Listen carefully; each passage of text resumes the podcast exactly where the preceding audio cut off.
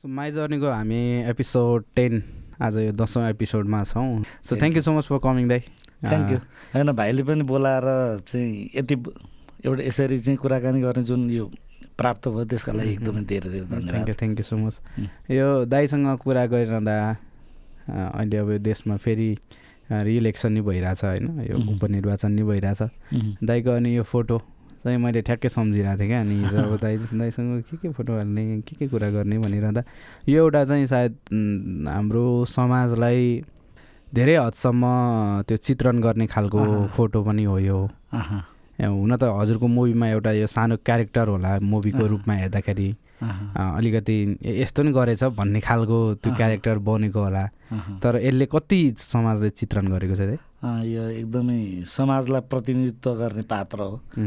हामीले देखिरहेको र भोगिरहेको खास विशेष गरी अब प्रजातान्त्रिक माहौल अथवा गणतन्त्र अथवा लोकतन्त्र जे जस्तो भयो भने चुनावी प्रक्रिया भनेको चाहिँ स्वतन्त्र रूपमा जनताको अधिकारको कुरा हो। अनि त्यो माहौलमा यो खालको चरित्रहरू पनि भेटिन्छ गाउँमा। होइन त्यो भएर पनि यसले धेरै अर्थ राख्छ। अहिले पछिल्लो पछिल्लो के पुरानै राजनीतिक परिवेश अथवा पछिल्लो राजनीतिक परिवेशमा चाहिँ जसरी भोट किन्ने र बेच्ने जुन प्रक्रियाको कुरा छ नि त्यस्तोमा यो पात्र चाहिँ धेरै ठाउँमा देखिन्छ क्या र भेटिन्छ। यहाँ दुईवटा दुईवटा चरित्र छ क्या। यो दाई त अब एकजना हुनुहुन्छ यहाँ। तर यहाँ दुईवटा चरित्र के छ भने एउटा चाहिँ त्यो दाईको हातमा पैसा छ अनि एउटा चाहिँ दुईवटा झन्डा छ फेरि। त्यो एउटा झन्डा र पैसा मात्रै भयो भने तै विषय त्यो एउटा एउटा एउटा सन्दर्भ हुनसक्थ्यो होइन। अब अहिले धेरै त्यस्तो देखिन्छ भने क्या त्यो इलेक्सनकै बेलामा पनि अब हामी आफै गाउँ गाउँतिर जाँदाखेरि पनि। द्वैत चरित्र भएका मान्छेहरूको उम्, प्रतिनिधि पात्र पात्र यो चाहिँ। के हो भने एउटा जसले पैसा दियो त्यसको झन्डा बोकेर हिँड्ने। अनि फेरि अर्कोले पैसा दियो भने त्यतै जाने भनेको त्यो ढलमलै पात्र हुन्छ नि। भनेको राजनीतिक विचार नभएको अथवा राजनीतिक आस्था नभएको। जहाँ आमनामी हुन्छ त्यतैतिर कुद्ने।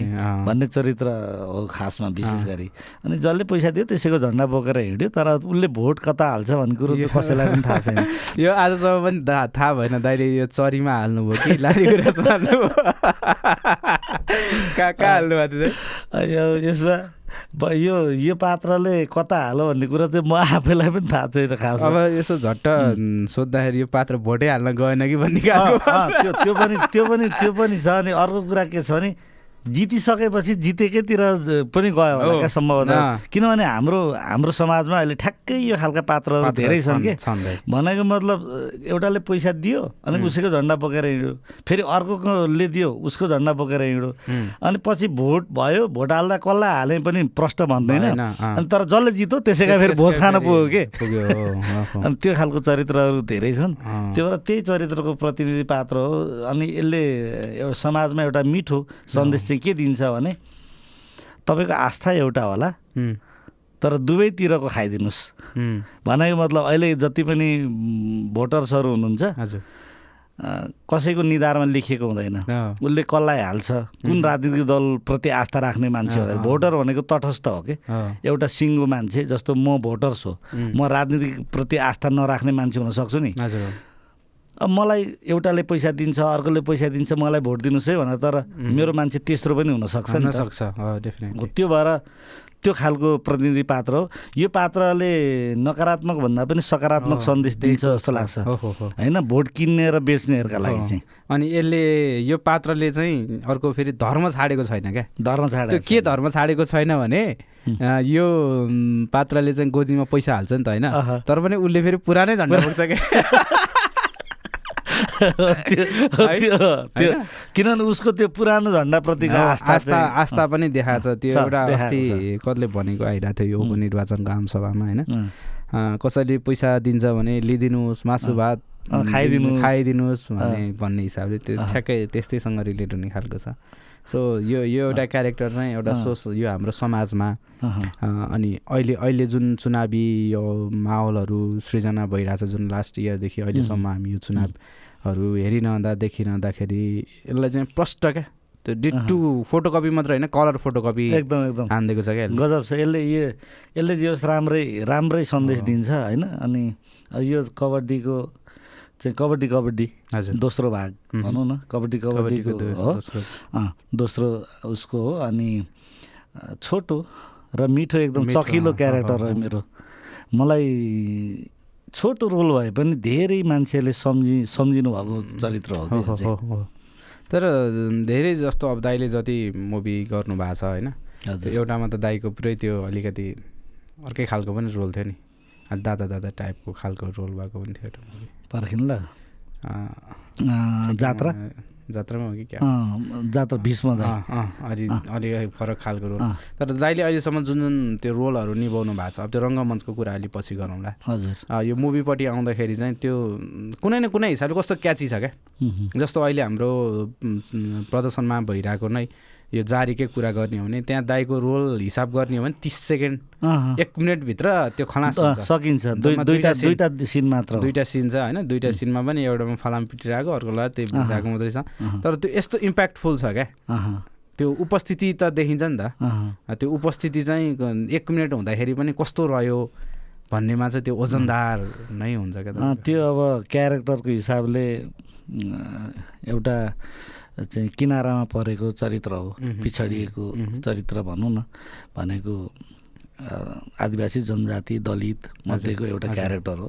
दलित क्यारेक्टर होइन अनि तर त्यसको त्यो गहनता चाहिँ गजब के छ भने जार काट्ने खुकुरी बनाउने मान्छे हो फिल्मको नाम नै जारी। जारी। होइन किनभने जार प्रथामाथिको चलचित्र भएको कारणले गर्दाखेरि अनि त्यो खुकुरी चाहिँ एउटा सेम्बल हो कि? किनभने भनिन्छ नि जार काट्ने जार काट्ने भनिन्छ। त्यो भएर त्यो फिल्मको होल उसमा खुकुरी हरेक ठाउँमा देखिएको छ। त्यो माथि लिम्बू संस्कृतिमा मा अब विशेष गरी खुकुरी बोकेरै हिँड्छन् होइन? त्यो त्यो देखाइए पनि छ। देखाइएको पनि छ। अनि अब तर उसले यति मिठो पाराले भन्छ नि। लिम्बूले मान्छे काट्छ भन्ने कुरो त मरे पनि पत्याउँदिनँ। उसले त के नाक र का कान तासी पठाउने मात्र हो भन्ने हिसाबले होइन। पछि आखिर उसले त्यो चाहिँ मान्छे काट्न प्रयोग हुन्न खुकुरी। होइन? सिधै गएर रुखमा अड्किन्छ। अनि रुखै काट्छु भनेको भए त बन्जर बनाइन्थ्यो भने त्यो दुइटै डायलग एकदमै क्याची पनि छ। अनि फिल्म ओभरअल कथामा। त्यो खुकुरीको जुन सेम्बल हो त्यो सेम्बलको हिसाबले अनि मेरो क्यारेक्टर सिन पनि फेरि त्यस्तो त्यो त्यही टाइममा छ क्या. लाइक अब चाहिँ के होला भन्ने खालको एकदम। मोमेन्टमा आएको छ नि त त्यो है। एकदमै। यस्तो यो छोटो छोटो रोल जस्तो दाइ दुई साढे दुई घन्टाभन्दा बेसीको मुभीहरू छ होइन? त्यहाँ चाहिँ हजुरको रोल छोटो छोटो हुन्छ सायद त्यो सुटिङको लागि पनि त्यही त्यही सिनको बेला जानुहुन्छ के हो? होइन कुनै कुनैको लागि चाहिँ अलिक लामो समय बस्नुपर्छ। सिरियलले खिच्दै जाँदाखेरि एउटा सिन अगाडि पऱ्यो भने अर्को सिन अलिक पछाडि हुन्छ अनि जान आउन धेरै टाढा पऱ्यो भने चाहिँ केही समय आठ दस दिन पन्ध्र दिन पर्खिनु पनि पर्छ। सँगसँगै जस्तो पऱ्यो भने चाहिँ यो जा जारीकोमा चाहिँ कति कति जारी त एक दिन मात्र एक दिन मात्र गएँ। अनि मेरो सिन सकियो एक दिनमै सकियो भोलिपल्ट फर्किनु भयो। ओके। अनि यो भइराख्दाखेरि त्यो यस्तो मनमा एउटा एक्सपेक्टेसन हुन्छ नि त होइन? अब त्यस्तो मुभी नै चल्छ कि चल्दैन भन्ने भइरहेको हुन्छ पहिला जनताले पब्लिकले रुचाउँछ रुचाउँदैन अडियन्सले भन्ने भइरहेको हुन्छ। अनि अब त्यो भित्रको पनि फेरि एउटा आफू क्यारेक्टर त्यसमा पनि छोटो टाइमको क्यारेक्टर होइन? अनि त्यो फेरि नोटिस हुन्छ कि हुँदैन। एउटा आफूले गरेको काममा चाहिँ त्यो कस्तो रियाक्सन आउँछ भन्ने पनि भइरहेको हुन्छ नि त। त्यसमा चाहिँ त्यो कति कतिको चिन्ताहरू लाग्छ कि लाग्दैन सुटिङ सकेर आएपछि? होइन बेसिकल्ली फिल्म चल्छ चल्दैन भन्ने कुरा त अब पुरै स्क्रिन प्लेको हिसाबले हामीलाई सबै कुरा थाहा हुन्न नि त। स्टोरी राम्रो छ फिल्म चल्छ भन्ने चाहिँ लाग्छ तर अब स्क्रिनमा चिप्लियो कि। भन्ने डर हुन्छ कहिलेकाहीँ। अँ। जस्तो हालसालै एउटा फिल्म चिप्लियो। म मैले फरक खालको क्यारेक्टरै गरेको थिएँ छड्के। छड्केमा चाहिँ एकदमै म आफूलाई नै चित्त बुझेको क्यारेक्टर। मैले आफूले गरे मध्येको अहिलेसम्मको बेस्ट क्यारेक्टर थियो तर अब त्यो जस्टिफाई भएन चिप्लियो। फिल्ममा मेरो क्यारेक्टर चाहिँ मान्छेले सम्झिनुहुन्छ कि सम्झिनुहुन्न भन्ने चाहिँ अलिकति पिर हुन्छ। भनेको फिल्म चल्ने नचल्ने भन्ने कुरो हामीलाई थाहा हुन्न। हजुर। किनभने टोटल्ली फिल्मको स्क्रिन प्ले कस्तो छ कस्तो बनेको छ त्यो थाहा हुन्न नि त। स्टोरी राम्रो थियो फिल्मको कथा राम्रो थियो स्क्रिप्ट राम्रो थियो तर डाइरेक्टरले त्यसलाई डाइरेक्सन गर- गरेर एडिट हुँदै फिल्म हलमा पुर्याउँदा कस्तो भयो भन्ने कुरो त नहेरिकन थाहा हुन्न त्यति धेरै ऊ लाग्दैन। अब के के छ कसो छ भन्ने। तर मैले गरेको क्यारेक्टरलाई मैले जस्टिफाई गरेँ कि गरिनँ। मैले गरेको क्यारेक्टर मान्छेले कतिको मन पराउँछन् भन्ने एक खालको पिर चाहिँ हुन्छ। जस्तो छड्कीमै पनि मलाई मैले गरेको क्यारेक्टर एकदम बेस्ट थियो कि। मैले लुक वाइज पनि आफूलाई फरक देखाउने कोसिस गरेको थिएँ। तर भइदियो के भने क्यारेक्टर जस्टिफाई भइदिएन स्क्रिन प्लेको हिसाबले। अनि चिप्लियो। अनि त्यो चाहिँ बेमजा लाग्यो। त्यस्तो हुँदा चाहिँ अलिकति खल्लोपन अँ। अलिअलि खल्लो हुन्छ। सो ठ्याक्कै अलिकति सुरुमै लामै कुरा भयो यो मुभीहरूपट्टि। होइन? अब ठ्याक्कै दाइको जन्मबाटै सुरु गरौँ न। यो। जन्म चाहिँ कहाँ कहिले भयो जन्म चाहिँ मेरो मोरङको बाहुनी भन्ने ठाउँमा। भयो होला झन्डै झन्डै आजभन्दा पैँतालिस वर्ष अघि। पैँतालिस वर्ष अघि। मोरङ बाहुनी। बाहुनी। अँ, ओके। यो बाल्यकाल कस्तो थियो दाइको? बाल्यकाल अब विशेष गरी गाउँमै बित्यो होइन. अब त्यही त हो धुलो धुवाँ आदि इत्यादि त्यस्तै त्यस्तै। अब म जतिखेर जन्मिएँ त्यतिखेर गाउँको बाटो चाहिँ धुल्याम्मै बाटो थियो। अहिले पनि धुल्याम्मै छ। अहिले पनि पिच बाटो बनाएको यो। गाउँ गाउँ एरिया हो? गाउँ हो पुरा। अनि दाउराबाटै खाना बन्ने हो। होइन चुलो चुलो चुलोमै चु चुलै हो। अहिले? अहिले चाहिँ ग्यास भयो। अहिले ग्यास भयो। नभए त्यतिखेर त चुलै हो। अनि बत्ती थिएन। टुकीमा पढाए हो मैले। त्यो भएर बाल्यकाल गाउँ गाउँ गाउँले जीवन जस्तो हो ठ्याक्कै त्यस्तै नै हो। त्यहाँभन्दा बढी एकदमै सहरिया जीवन त धेरै पछिको कुरा हो। पढाइ पढाइ चाहिँ कस्तो पढाइ पनि मध्यम थियो। किनभने सरकारी स्कुलमा पढाए हो। अङ्ग्रेजी राम्रो थिएन। हजुर। किनभने चार कक्षाबाट अङ्ग्रेजी पढ्न सुरु गरे हो। त्योभन्दा अगाडि त अब एबिसिडी सिकेकै चार कक्षा पछाडि हो। अब त्यो के पढ्ने नै चार कक्षापछि थियो? क ख नेपाली अक्षर चाहिँ शिशु कक्षा भन्ने हुन्थ्यो। त्यसपछि एक कक्षा दुई कक्षा तिन कक्षा चार कक्षामा पुगेपछि मात्र अङ्ग्रेजी हो। बल्ल इङ्ग्लिस। अँ इङ्ग्लिस एबिसिडी ए एक कक्षा दुई कक्षामा एबिसिडी सिकाइँदैन थियो कि? ए। चार कक्षामा पुगेपछि मात्र हो कि एबिसिडी पढ्ने? अहिले त कख भन्दा त्यो भएर अनि त्यति राम्रो शिक्षा होइन। अब त्यही पनि सरकारी स्कुल हो बोर्डिङ पनि होइन। अब बोर्डिङ त सहरतिर त बोर्डिङ थिए नभएका होइनन् अ, तर अब मैले पढ्ने बेलामा म गाउँमै भएको कारणले गर्दाखेरि बुवा चाहिँ स्कुलको प्राध्यापक हुनुहुन्थ्यो। ए। अनि बुवाले जुन स्कुलमा पढाउनु भयो? पढाउनु भयो म त्यही स्कुलमा पढाएँ तर म नेपालीमा राम्रो थिएँ। ओके। नेपाली पढाउनुहुन्थ्यो? मेरो बुवाले नेपाली पढाउने। नेपाली चाहिँ आठ कक्षा नौ कक्षाको पनि मैले एक दुई कक्षामै कण्ठ गरिदिन्थेँ कि म। अनि क कविताहरू। कविताहरू अनि त्यसपछि बुवा त्यो बुवाले सिकाउनुहुन्थ्यो अनि कण्ठ गरिदिनु कि। त्यो भएर नेपाली अरू अन्य विषय नेपाली माध्यमका विषयहरूमा चाहिँ म राम्रो थिएँ। अङ्ग्रेजी म्याथ र साइन्समा चाहिँ एकदमै कमजोर थिएँ। त्यो पढाइ चाहिँ मोरङमा कतिसम्म भयो दाइ एसएलसीसम्मै मरङमा। लगातार? ओके। त्यस्तो टाढा ट्राभल गर्नुपर्ने थियो कि? कति थियो भने झन्डै अढाई किलोमिटर जति थियो होला अढाई तिन किलोमिटर थियो होला स्कुल। अढाई अढाई किलोमिटर दुई किलो दुई अढाई किलोमिटर भनौँ न? त्यहाँबाट त्यहाँ अँ। हिँडेर जानुपर्ने। दुई दुई चार किलोमिटर। आउन र जान गरेर चार किलोमिटर। तर फेरि तराईमा त अब सिधा हो कि पाहाडको बाटो? हो होइन स- समथर बाटै हो। समथर भए त सजिलो अँ, हुन्छ। समथर बाटै हो। अँ, ओके। यो एउटा दाइको फोटो यो बाल्यकालको कुरा आइरहँदा यो यो खालको फोटोहरू चाहिँ हजुर। अहिलेको मान्छेहरूको पनि भेट्न गाह्रो हुँदो रहेछ क्या। लाइक हामीले अहिलेसम्म अब यो नौवटा एपिसोड सकिसक्यौँ अगाडि होइन। यो खालको फोटो चाहिँ कसैको पनि भेटिएन। तर दाइको चाहिँ ठ्याक्कै भेटियो फेरि। यो चाहिँ कति वर्ष हुनुहुन्थ्यो होला? सम्भवतः दुई वर्षको थियो होला डेढ दुई वर्षको. अनि कसरी भेट्नुभयो? खासमा- खासमा यो फोटो मलाई यहाँ पछाडिबाट समातेर चाहिँ बसाएको हो कि जस्तो लाग्छ यो फोटोमा तर देखिँदैन देखिन चाहिँ। अर्को एउटा फोटो थियो त्यसमा चाहिँ भाइलाई चाहिँ समातेको छ क्या भाइ र मसँगै बसेकोमा चाहिँ भाइलाई समातेको छ। अनि यो खिच्न चाहिँ स्टुडियोमै खिचेको अँ, यो स्टुडियोमै खिचिया हो। स्टुडियोमै खिचिया हो। तर यो खि फोटो खिच्दा मलाई याद छैन। दुई वर्ष हुने यस्तो याद हुने कुरा पनि भएन है. त्यो स्कुल पढ्दाखेरिको त्यो साथी सङ्गतहरू चाहिँ कस्तो थियो त अँ, साथीसँग त अब सबै गाउँकै साथीहरू हुन्। अनि मिश्रित समुदाय छ मेरो गाउँमा चाहिँ। जस्तो थारू समुदाय पनि छ। अनि जनजाति समुदाय पनि छ राई लिम्बूहरू पनि। अनि मेरा धेरै जसो साथीहरू चाहिँ थारू र राई लिम्बू साथीहरू अनि छेत्री बाहुन पनि छन्। अनि गजब चाहिँ के हो भने अब गाउँको स्कुल हो। अनि अब गर्मी समयमा बिहानै स्कुल लाग्ने हो खास। होइन?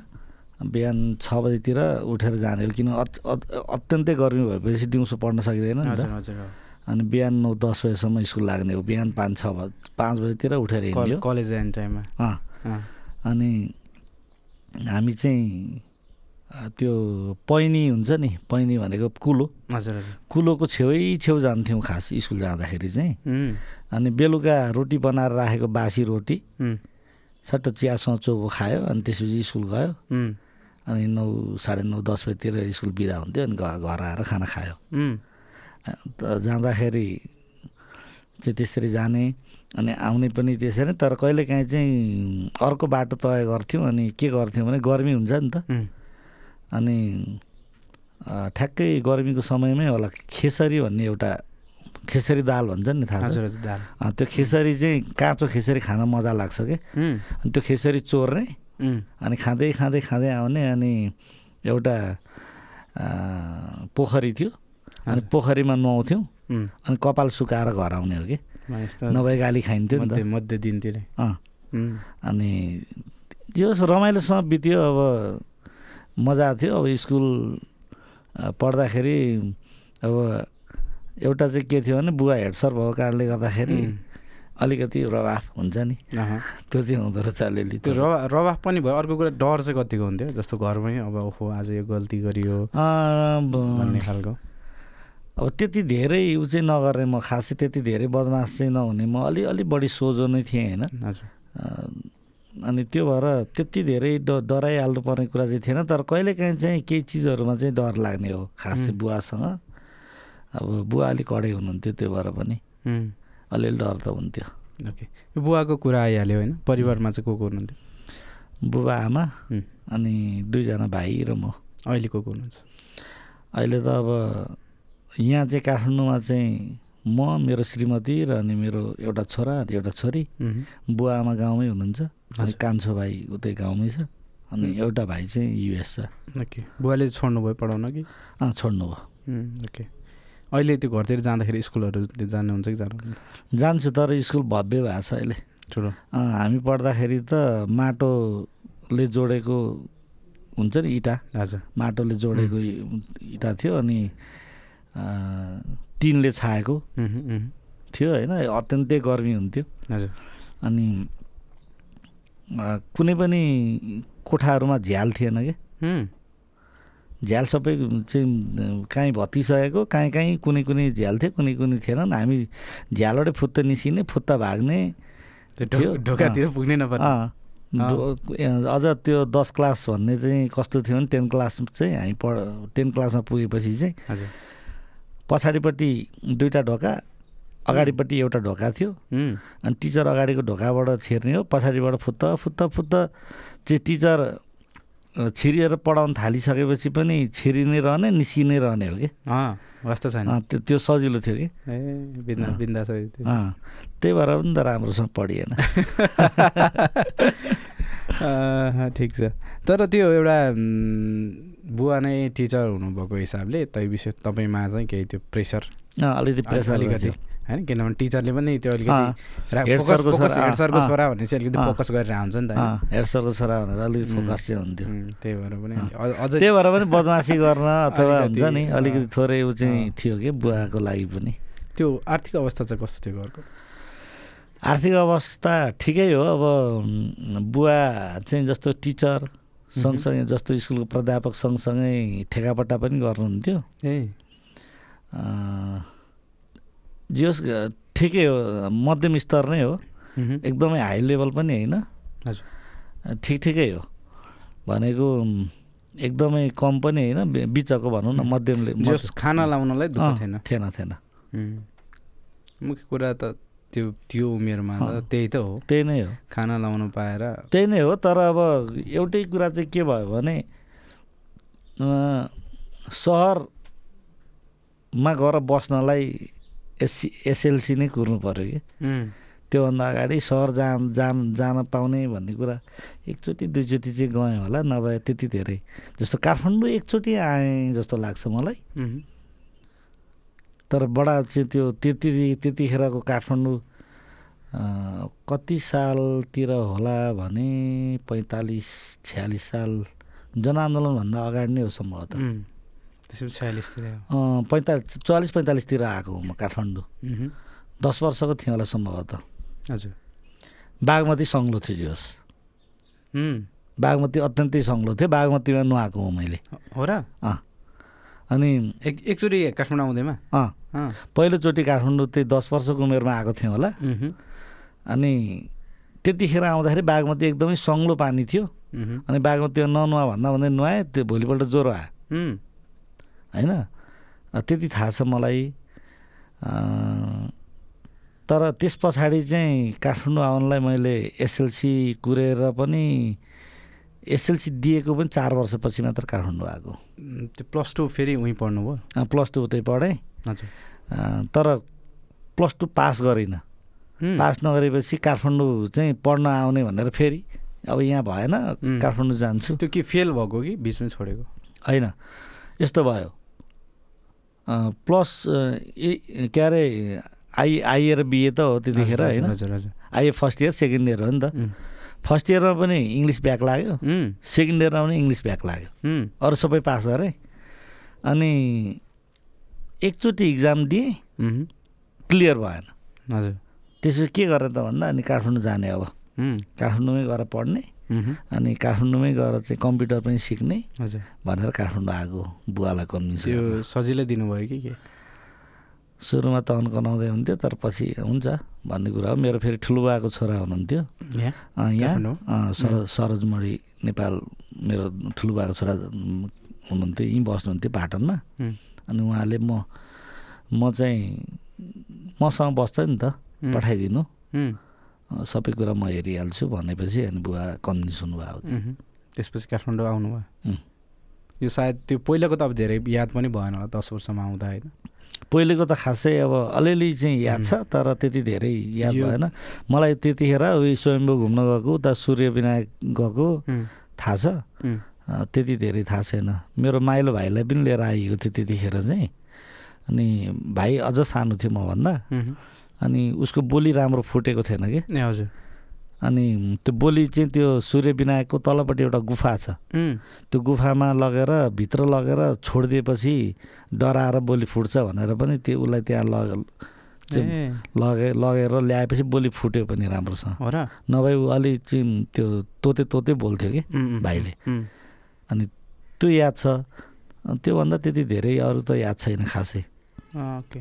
यो जुन अब भनेपछि दोस्रो पा दोस्रो पल्ट आउनुभयो नि त जुन चाहिँ. फेरि काठमाडौँमै बस्ने भने कति साल 54 कति साल। साल चौन्न साल। चौन्न साल। ओके। भने त्यति बेला राजतन्त्र नै अँ। भइरहेको थियो राजाकै अ, अ, राजतन्त्र थियो तर प्रजातन्त्र चाहिँ आइसकेको थियो. पैँतालिस छ्यालिस सालतिर त म उहीँ थिएँ गाउँमै थिएँ। पैँतालिस छ्यालिस छ्यालिस सालको जनआन्दोलन पनि थाहा छ मलाई। होइन किनभने त्यतिखेर त कुनै पनि पार्टीको झन्डा चाहिँ प्रहरीले देख्यो भने निकालिहाल्थे। होइन? अनि त्यो पैँतालिस सालको जनआन्दोलन त एकदमै चरम थियो नि त। त्यो चाहिँ मलाई मजाले थाहा छ। ओके। होइन? पैँतालिस छ्यालिसको किन पैँतालिस सालमा भू भूकम्प पनि आएको हो। म गाउँमै थिएँ। त्यो पनि याद छ। अन्त याद छ। याद छ त्यो जस्तो टा काठको घर। काठको घरमा चाहिँ भुइँचालो आएपछि बाहिर निस्किएर प्यासेज जस्तो ठाउँमा एकै ठाउँमा सबैजना बसेको हो क्या हामी। मरे पनि मरियोस् यहीँ मरिन्छ भनेर। तर अब काठको घर पक्की घरभन्दा अलिक सुरक्षित हो। भूकम्पका लागि। अनि पैँतालिस सालमा त्यतिखेर चाहिँ धरानको विजयपुरमा चाहिँ अलिक बढी क्षति भयो। होइन? अनि पैँतालिस साल पछाडि चाहिँ आन्दोलन सुरु भएको छ्यालिसमा।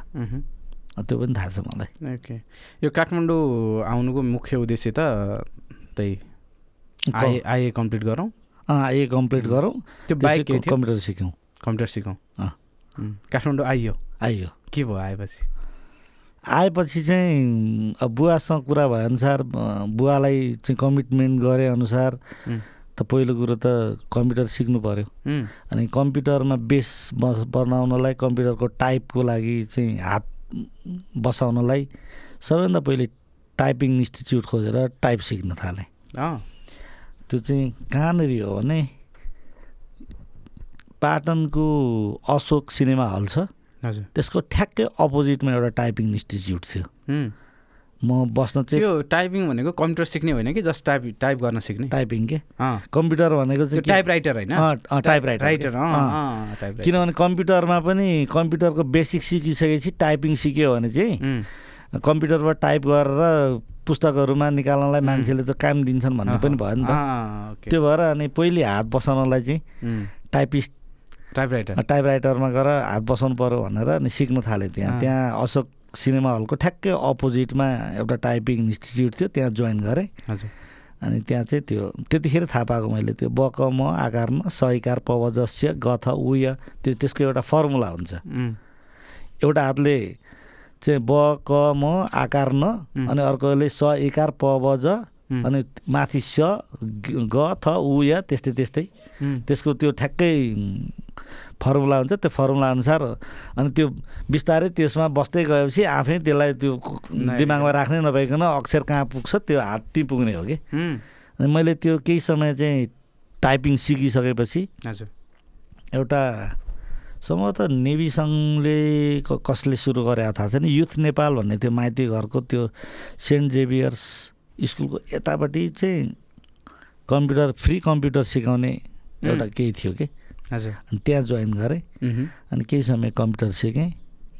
त्यसपछि बानेश्वर क्याम्पसमा जोइन गरेँ। आइ पढ्न थालेँ। हजुर। अनि त्यहाँ आइ पढ्दा पढ्दै अनि त्यसपछि साथीहरूले चाहिँ मेरो दाई हुनुहुन्थ्यो एकजना शङ्कर दाई है। मलाई जो दाईले यहाँ काठमाडौँ ल्याउनु भयो सरोज दाई। हजुर। उहाँ उहाँको साइलो भाइ हुनुहुन्थ्यो शङ्कर त्यो वाल्मिकी विद्यापीठमा पढ्नुहुन्थ्यो। हजुर। अनि जयतु संस्कृतमको स्वर्ण महोत्सवको उपलक्ष्यमा एउटा नाटक हुँदै रहेछ त्यहाँ। यो उसमा प्रदर्शनी मार्गमा? प्रदर्शन मार्गमा। अनि त्यहाँ चाहिँ एउटा तराई तराईवासी. क्यारेक्टर गर्ने मान्छे चाहिएको रहेछ। म गाउँमा कहिलेकाहीँ पाटपुट्ट सडक नाटक आदि इत्यादिमा तराईवासीको क्यारेक्टर पनि गर्थेँ। मैले गाउँमै हुँदाखेरि नाटकहरू पनि गरेको थिएँ। स्टेज नाटक। हजुर। त्यो पनि कसरी भने गाउँभरिका खाटहरू बटुलेर स्टेज बनाउने अनि गाउँभरिका तन्दाहरू बटुलेर पर्दा बनाउने। अनि पेट्रो पेट्रोम्याक्स भन्ने थाहा पाउनुहुन्छ नि। हजुर। त्यो उसबाट के भन्छ मट्टितेलबाट बल्ने क्या त्यो। त्यो भुक्क भएर फुलेपछि त्यसको त्यो लाइटिङ एकदमै हुन्छ नि। चकिलो चकिलो आउने? हो त्यो पेट्रोम्याक्स बालेर नाटक गर्थेँ क्या म। म र अर्को एकजना साथी। यो हजुरकै इनिसिएसनमा? अँ, मेरो इनिसिएसनमा। अनि त्यो साथी चाहिँ अर्जुन कार्की कि बिपिनको दाई। ए अँ। एउटै एउटै गाउँ तपाईँहरूको? एउटै गाउँ हो। ए। ओल्लो घर पल्लो घर भन्ने पनि हुन्छ। ए। अनि अर्जुन र म चाहिँ सँगै नाटक गर्थ्यौँ। अनि त्यही भएर म त्यहाँको त्यो जुन नाटक गर्दाखेरिको त्यो जुन ऊ छ त्यो त्यसले गर्दाखेरि दाइले अब यसले गर्छ। यो यो। त्यहाँ नाटक गर्दाखेरि चाहिँ के थियो त? यो के के जस्तो के कुराले चाहिँ तपाईँले इन्फ्लुएन्स गरेको थियो कि यो गर्नुपर्छ? जस्तो म- सिक्ने कुराहरू हुनसक्छ अथवा कसरी. आयो? यस्तो भयो। खास चाहिँ म स्कुल पढ्दादेखि नै चाहिँ अलिकति बढी त्यो नाटकमा प्रति अलिक चाख पनि भएको। हजुर। मेरो बुवा प्राध्यापक हुनुभएको हुनाले पहिले पहिले त राजाहरूको रानीहरूको जन्मोत्सव. हुन्थ्यो नि। स्कुलको वार्षिक उत्सव। हजुर। अनि त्यस्तोमा चाहिँ अब एउटा नाटक भएको थियो कि? वार्षिक स्कुलको वार्षिक उत्सवमा। हजुर। अनि बुवाले पनि खेल्नु भएको थियो त्यो नाटकमा। अनि मैले पनि खेलेको थिएँ कि। सम्भवतः त्यो चोर र पुलिसको त्यस्तै केही कथा थियो। पकेट मारको त्यस्तै के के थियो। अनि मलाई त्यो एक खालको चाख चाहिँ त्यहीँबाट थियो। हजुर। अनि पछि चाहिँ उम्, गाउँमा अब यही चाड हुन्छ नि दसैँ तिहारहरूमा। त्यहीँ यसो कथा बुनेर अनि हामी चाहिँ नाटक गर्थ्यौँ कि। हजुर। अनि त्यो चाहिँ के त्यही हो। गाउँमा उम्, कहिलेकाहीँ सडक नाटकै गर्दाखेरि पनि मान्छेले हो कस्तो राम्रो गरेको भन्ने चाहिँ हुन्छ नि त। म अझ त्यही माथि क्यारिकेचर पनि गर्ने। तराई भाषी क्यारिकेचर गर्ने। अनि सबैले एकचोटि सुना न भन्ने। एकचोटि गर्दैन भन्ने। अनि कस्तो राम्रो गरेको भन्ने। इन्सपिरेसन त्यहाँबाट आयो। अनि एउटा समयमा चाहिँ गुरुकुल विराटनगर गुरुकुल भन्दा पनि आरोहण भनौँ न त्यतिखेर त आरोहण भन्ने थियो। विराटनगरमा पनि थियो काठमाडौँमा पनि आरोहण। विराटनगरको आरोहणले एउटा सडक नाटक गरेको थियो। त्यो। सम्भवतः एचआइभी एड्ससँग सम्बन्धित थियो। त्यसमा चाहिँ कलाकारहरू तयार हुन्जेल चाहिँ कोही हुनुहुन्छ? यसो कोही हुनुहुन्छ भने एकछिन दर्शकलाई भनेपछि मलाई मेरो ठुलो भएको छोराले भाइले चाहिँ जा जा त जा भन्यो। अनि गएर एकछिन मैले त्यही क्यारिकेचर गरेर दर्शकलाई होल्ड गरेको थिएँ। हजुर। उनीहरूले पछि मलाई एकदमै कस्तो गजब गरेको राम्रो गरेको। ल अब चाहिँ तपाईँ पनि कलाकार बन्नुपर्छ भन्ने जुन खालको हौसला दिए नि। हजुर हजुर। त्यसले मलाई अलिकति त्यो एक खालको हुन्छ नि ऊर्जा प्राप्त भयो जस्तो। भएको थियो कि। त्यहाँ त्यहाँ चाहिँ हजुर एउटा एज अ अडियन्सको रूपमा जानुभएको थियो। म अडियन्सको रूपमा एकछिन उहाँ कलाकार तयार हुन्जेल चाहिँ दर्शकलाई होल्ड मात्र गरेँ। दिनु पर्ने अँ। अँ, अनि त्यो मैले गरेकोले उहाँहरूलाई चाहिँ त्यो एक खालको प्रभाव पर्यो कि। अनि उहाँहरूले चाहिँ अनि ल कस्तो राम्रो गरेको भनेर चाहिँ भनेपछि मलाई त्यहाँबाट ऊर्जा थियो कि त्यहीँबाट अब केही गर्न सकिने रहेछ भन्ने चाहिँ थियो। अनि काठमाडौँ आइसकेपछि चाहिँ दाईले अप्रोच गर्नुभयो। त्यही जयतु संस्कृतमा भयो अघि मैले कन्टिन्यू गरेर उता गएँ। हजुर। अनि त्यसमा एउटा क्यारेक्टर चाहिने। अनि तराईवासी क्यारेक्टर अनि त गर्छस् भन्ने कुरा चाहिँ गर्छु भनेर त्यसै डायलग कण्ठ गरेर पहिलो आधिकारिक रूपमा स्टेज सो गरेको नाचघरमा लाइट साउन्ड. सबै कुरा देखेको पहिलो नाटक चाहिँ जयतु संस्कृतमको त्यही अझै के गर्न बाँकी छ भन्ने नाटक हो कि। फर्स्ट। फर्स्ट नाटक हो मेरो। तर सुविधा सम्पन्न थिएटरमा। थिएटरमा। नाचघरमा थियो। नाचघरमा।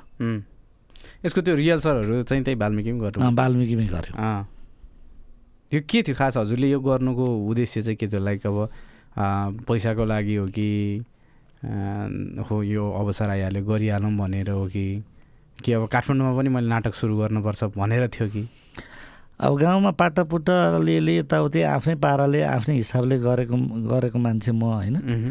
अनि त्यो सुविधा सम्पन्न थिएटर हलमा त्यो गर्न पाउँदाखेरि पैसो त गौड थियो मेरो लागि त्यतिखेर। पैसै आउँछ भनेर त थिएन तर फेरि कलाकारिताको सुरुवात हो है भन्ने कता कता मनमा चाहिँ थियो तर त्यो नाटक पछि मलाई अझ बढी प्रेरणा चाहिँ के भयो भने राम्रो पनि भयो नाटक त्यही माथि गिर गिरिजा प्रसाद कोइरालाले प्रमाणपत्र दिनुभयो हजुर होइन अनि ओहो यसैमा भविष्य बनाउन सकिने रहेछ भन्ने खालको ऊर्जा भयो अनि त्यही नाटकमा खेल्ने एकजना शेखर सान्डिल्य भन्ने साथीले चाहिँ तपाईँ यार जोइन गर्नु यार।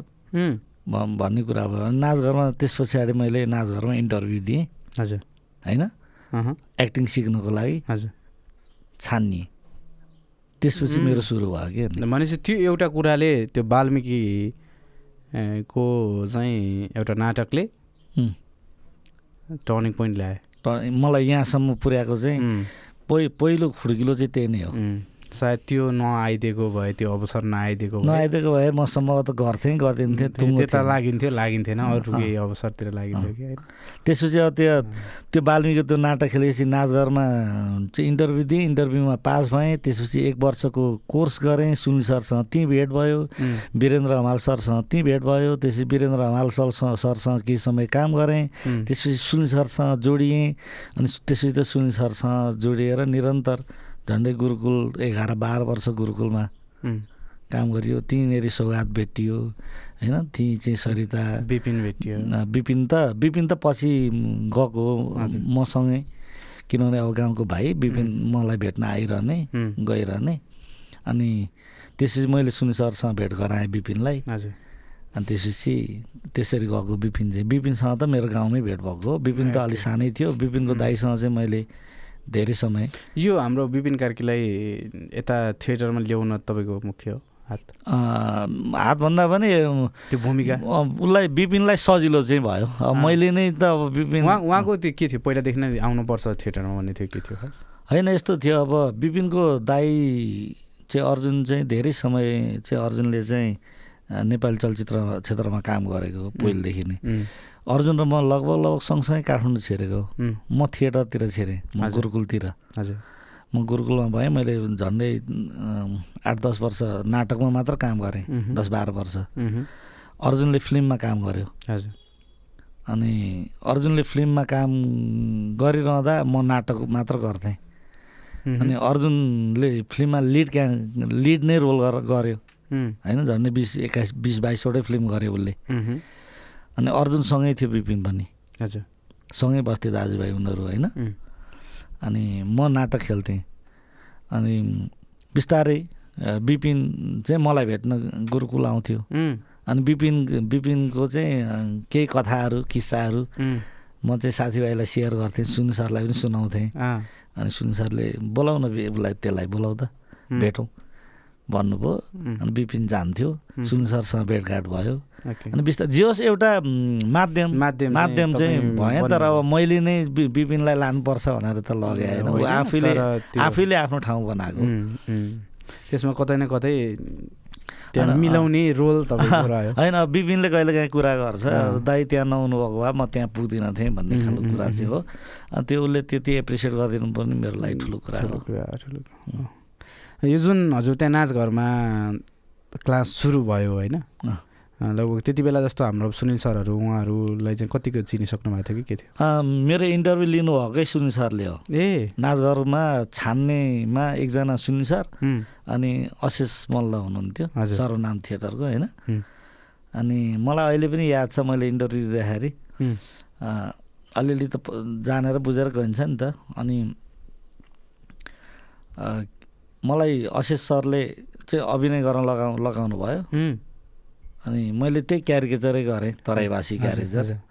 अनि अँ, अशेष सर मजाले हाँस्नुभयो सुनि सर चाहिँ हाँस्नु भएन तर म म सुनि सरलाई चाहिँ त्यति राम्रोसँग चाहिँ एकदमै प्रष्ट रूपमा हजुर। चिन्दिनँ थिएँ। होइन? अनि सुनि सरले सोध्नुभयो अशेष मल्ल को चिन्या छ? भन्नुभयो। अनि अँ चिन्या छ भने। को हो? भन्नुभयो अनि उहाँ चाहिँ नाटककार पनि हो अनि नाट्य निर्देशक पनि हो। अनि अस्ति भर्खर विदेश गएर आउनुभयो। भनेर भने। मैले पत्रिकामा पढाएको थिएँ। अनि किन विदेश के पैसा कमाउनु जानुभएको? भनेर सोध्नुभयो सुनि सरले। तर सोध्ने सुनि सर हो भन्ने थाहा छैन मलाई। हजुर हजुर। म चिन्दिनँ थिएँ। अनि होइन। चाहिँ बाल नाटक लिएर जानुभएको थियो। भने अनि कसरी थाहा पायो? भन्नु अनि म पत्रिका पढाएको थिएँ। भने यसरी नै इन्टरभ्यू दिए हो कि मैले। अनि त्यसपछि अभिनय गर भनेर भन्नुभयो अभिनय गरेर देखाएँ। अनि पछि बाहिर निस्केर सोधेँ को को इन्टरभ्यू त्यहाँ इन्टरभ्यू लिने भनेर सोधेको अशिष अँ। मल्ल र सुन पोखरेल। बाहिर निस्केपछि मात्र थाहा पाएको कि खास। उहाँहरू भनेर। ओके। अनि पछि अब नाचघरमा केही समय चाहिँ सुन सरले पनि केही क्लासहरू सुन सरले पनि लिनुभयो। अनि वीरेन्द्र हमाल सर अनि प्रभाकर देव शर्मा हुनुहुन्थ्यो। पछि वीरेन्द्र सरसँग केही समय काम गरेँ। अनि त्यो वीरेन्द्र सरसँग काम गर्दाखेरि अनि सुन सरसँग चाहिँ त्यसपछि चाहिँ भेट भयो। भेट भयो।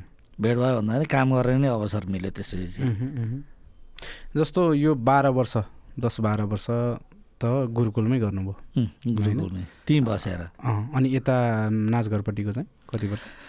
नाचघरमा एक वर्षको ट्रेनिङ सकिएपछि म वीरेन्द्र सरसँग काम गरेँ। कति टाइम एमआर थिएटरमा झन्डै एक डेढ वर्ष जस्तो। भनेपछि करिब करिब बाह्र दुई चौध। चौध साढे चौध वर्ष। थिएटरमा मात्र काम। निरन्तर त्यसपछि वीरेन्द्र सरसँग काम गरिसकेपछि अनि सुनिल सरसँग गुरुकुलमा जोडिएर चाहिँ झन्डै दस बाह्र वर्ष काम गरेँ। भनेपछि लगभग करिब करिब पन्ध्र वर्ष। यो पन्ध्र वर्ष चाहिँ थिएटरसँगै जोडिरहनु गुमनाममा रहेको। निरन्तर रूपमा। भनेको। थिएटरमा मात्र थिएटरको त। एउटा सीमित दर्शक। सीमित दर्शकले दर्शकले चिन्ने अनि थिएटरमा चाहिँ मुभीहरूमा भन्दा अझै नजिकबाट चिन्न पाइन्छ नि त। किनभने नजिकै प्रत्यक्ष मान्छे पनि देखिन्छ ए यस्तो रहेछ भन्ने। लाइभ लाइभ लाइभ हुन्छ होइन। अझै अलि अलि लामो समय बस्यो भने त्यो क्यारेक्टर उतारिसकेपछि पनि देखिन्छ। त्यहाँ त धेरै छ नाटकभित्रको मजा धेरै छ होइन। एउटा पन्ध्र वर्ष अब हुन त तपाईँको त्यो पारिवारिक पृष्ठभूमि पनि त्यो होइन नि त। एउटा शिक्षाको पृष्ठभूमि बोकेको। जो फेरि के गर्न काठमाडौँ भन्दा शिक्षाकै लागि होइन? अनि कम्प्युटर सिक्नकै लागि भनेर काठमाडौँ छिरेको एउटा केटा जो निरन्तर पन्ध्र वर्ष चाहिँ एउटा थिएटरलाई एउटा नाटक घरलाई नै चाहिँ सब कुछ ठानेर बसिरहँदाखेरिमा चाहिँ लाइक मेरो जीवन यसैले चल्छ। अब चाहिँ यहीँ बस्नुपर्छ है म यहीँ साधना गर्नुपर्छ भन्ने थियो। एकदमै गाह्रो थियो एउटा समय चाहिँ। एउटा. समय त म झन्डै घर फर्केको थिएँ खासमा। नाचघरमा ट्रेनिङ सकिएपछि वीरेन्द्र सरसँग डेढ वर्ष काम गरिसकेपछि सुनिल सरसँग भेटेर सुनिल सरको चाहिँ आरोहणसँग आबद्ध भएर आरोहण शनिबार भनेर नाटक गर्नुहुन्थ्यो सुनिल सरले। हजुर। त्यो चाहिँ उसमा एकाडेमीमा। अनि एउटा दुइटा नाटक गरिसकेपछि चाहिँ मलाई घरबाट एकदमै प्रेसर भयो। काठमाडौँबाट फर्कियो अब म सक्दिनँ खर्च पुर्याउन भन्ने। त्यो त्यति बेलासम्म चाहिँ उतैबाट खर्च ल्याएर? उतैबाट। यहाँको यहाँ त ख आउने आम्दानीको बाटै केही थिएन। सबै उतैबाट। अनि त्यसपछि सुन सरसँग गुनासो गरेँ के गरौँ सर? म त फर्किनु पर्ने भयो। अब घरबाट एकदमै प्रेसर भयो। आइज अब केही तैँले के खालो सारिनुहोस् यही त हो। अब कहाँ छ अरे छोरा भन्दा? काठमाडौँमा के गर्छ भन्दा नाटक गर्छ अरे। अनि खोइ त टिभीमा देखिँदैन नि त। मान्छेको प्रेसर हुन्छ क्या त्यो। हजुर हो। धेरैजनालाई त्यो लाग्दो रहेछ क्या। टिभीमा देखिनु चाहिँ गर्दैछ भन्ने। अन्त फिल्ममा देखिनु चाहिँ गर्दैछ। म त नाटक गर्थेँ नि त। नाटक न टिभीमा देखिन्छ न फिल्ममा देखिन्छ। त्यही त। अनि बुवालाई पनि त्यो भयो। कमाइ पनि छैन। हजुर। नाटक गर्दैछ अरे कलाकार अरे तर काहीँ पनि देखिँदैन। त्यो भएर चाहिँ फर्किने भन्ने कुरो भएपछि सुन सरसँग कुरा राखेपछि सुन सरले एक वर्षको टाइम लिएर आऊ अनि म के गर्छु भन्नुभयो। अनि बुवासँग एक वर्षको टाइम मागेँ। ठ्याक्कै त्यो एक वर्षको टाइम मागेर आउँदा आएपछि काकाले एउटा फाइनेन्समा पैसा उठाउने काम लगाइदिनु भयो जागिर खास चाहिँ पहिलो जागिर। पहिलो जागिर चाहिँ खास चाहिँ के थियो भने इन्टरनल भनेर पठाउनु भएको तर मलाई पैसा उठाउनु लाग्यो फाइनेन्सले पसल पसलमा गएर पैसा उठाएँ। कलेक्सन गर्ने। कलेक्सन गरेँ। बिहान सात बजीतिर निस्किन्थेँ। पसल पसल चाहेर पैसा उठाउँथेँ। अनि गएर दस बजीतिर अफिस पुग्थेँ फाइनेन्स अफिस। अनि त्यो काम गर्ने गार्डलाई पियनलाई। मेरो पैसा बुझाइदिनु मेरो नामबाट भनेर त्यहाँ दिन्थेँ। अनि त्यहाँबाट सिधै रिहर्सलमा जान्थेँ। सुन सरहरूको नाटकको रिहर्सलमा। किनभने अब मैले त्यो त्यति काम पाउँदाखेरि मलाई धेरै आशा चाहिँ के भयो भने अब घरबाट पैसा पठाउनु परेन नि त। अब बाँचिन्छ। बाँधिन्छ भन्नुभयो। अनि गएर नाटकको रिहर्सल गर गरेर अनि नाटक गर्न थालिएपछि पछि गुरुकुलको अवधारणा अनुर अनुसार सुनि सरले चाहिँ ल ठाउँ खोज। भनेपछि अनि पत्रिका पल्टाएर ठाउँ खोज्न थालेँ। अनि गुरुकुल जहाँ थियो त्यो ठाउँ पत्ता लगाएर अनि के के को ठाउँ? गुरुकुल जहाँ थियो नि त त्यो उसमा के अरे मैदेवी पुलभन्दा यता अहो। जहाँ गुरुकुल थियो। त्यो ठाउँ पत्ता लगाएर अनि त्यो ठाउँ चाहिँ भाडामा लिएर काम गर्ने। भनेपछि अनि गुरुकुलमा छिरे आयो क्या म। यो भनेपछि गुरुकुलको स्थापनामै। तपाईँ हुनुहुन्थ्यो? सुरुदेखि नै। त्यो ठाउँ खोज्ने बेलादेखिकै ओके। त्यस एउटा गुरुकुलको इतिहासको साक्षी। अँ अनि त्यो त्यो हो। त्यो ठाउँ खोज्नलाई मैले नै मान्छे बोलाएर सुन सरसँग भेट गराएर अनि त्यसपछि त्यो ठाउँ खुल्ने भयो भनेको गुरुकुल खुल्ने हो। तर। गुरुकुलको नाम पहिले गुरुकुल थिएन। पहिले सिर्जना शिखर भनेर राखेको थियो। हजुर। सुरुमा पछि सुन सरले त्यसलाई गुरुकुल भनेर राख्नुभयो होइन? अनि त्यसपछि त्यहाँबाट सुरु गरेको। त्यसपछि सौगातसँग सौगात मल्ल र सरिता गिरी उनीहरूसँग चाहिँ अनि राजन खतिवडासँग चाहिँ मेरो एमआर थिएटरमै भेट भएको थियो। पछि उनीहरू पनि गुरुकुलमा गुरुकुलमा जोडिए। अनि अन्य साथीहरू पनि भोला लगायत अरू साथीहरू सबै जोड्यौँ। गुरुकुलले जम्मा दुईवटा ब्याज उत्पादन गर्यो। पहिलो ब्याज दोस्रो ब्याज। पहिलो ब्याजमा सौगात।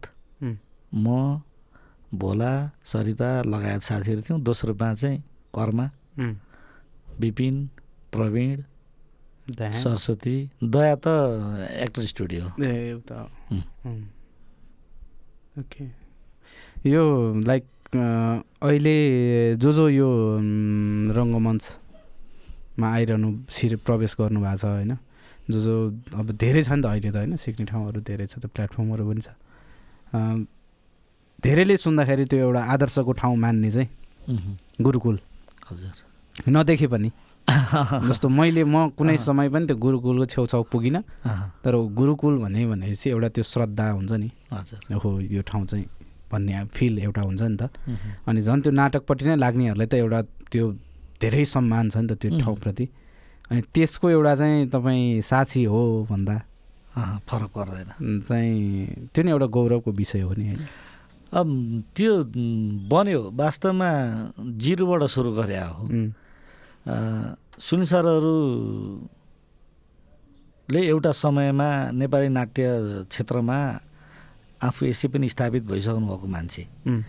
निरन्तर रूपमा प्रशस्त नाटक गरिरहनु भएको मान्छे सुनि सरहरू आफै पनि सेलाएर बसे बसेको अवस्था थियो क्या गुरुकुल खुल्नुभन्दा अगाडि चाहिँ। जस्तो अ, सुनि सरको घरमा नै रिहर्सल गरे हौँ हामीले पहिले केही समय चाहिँ? हजुर।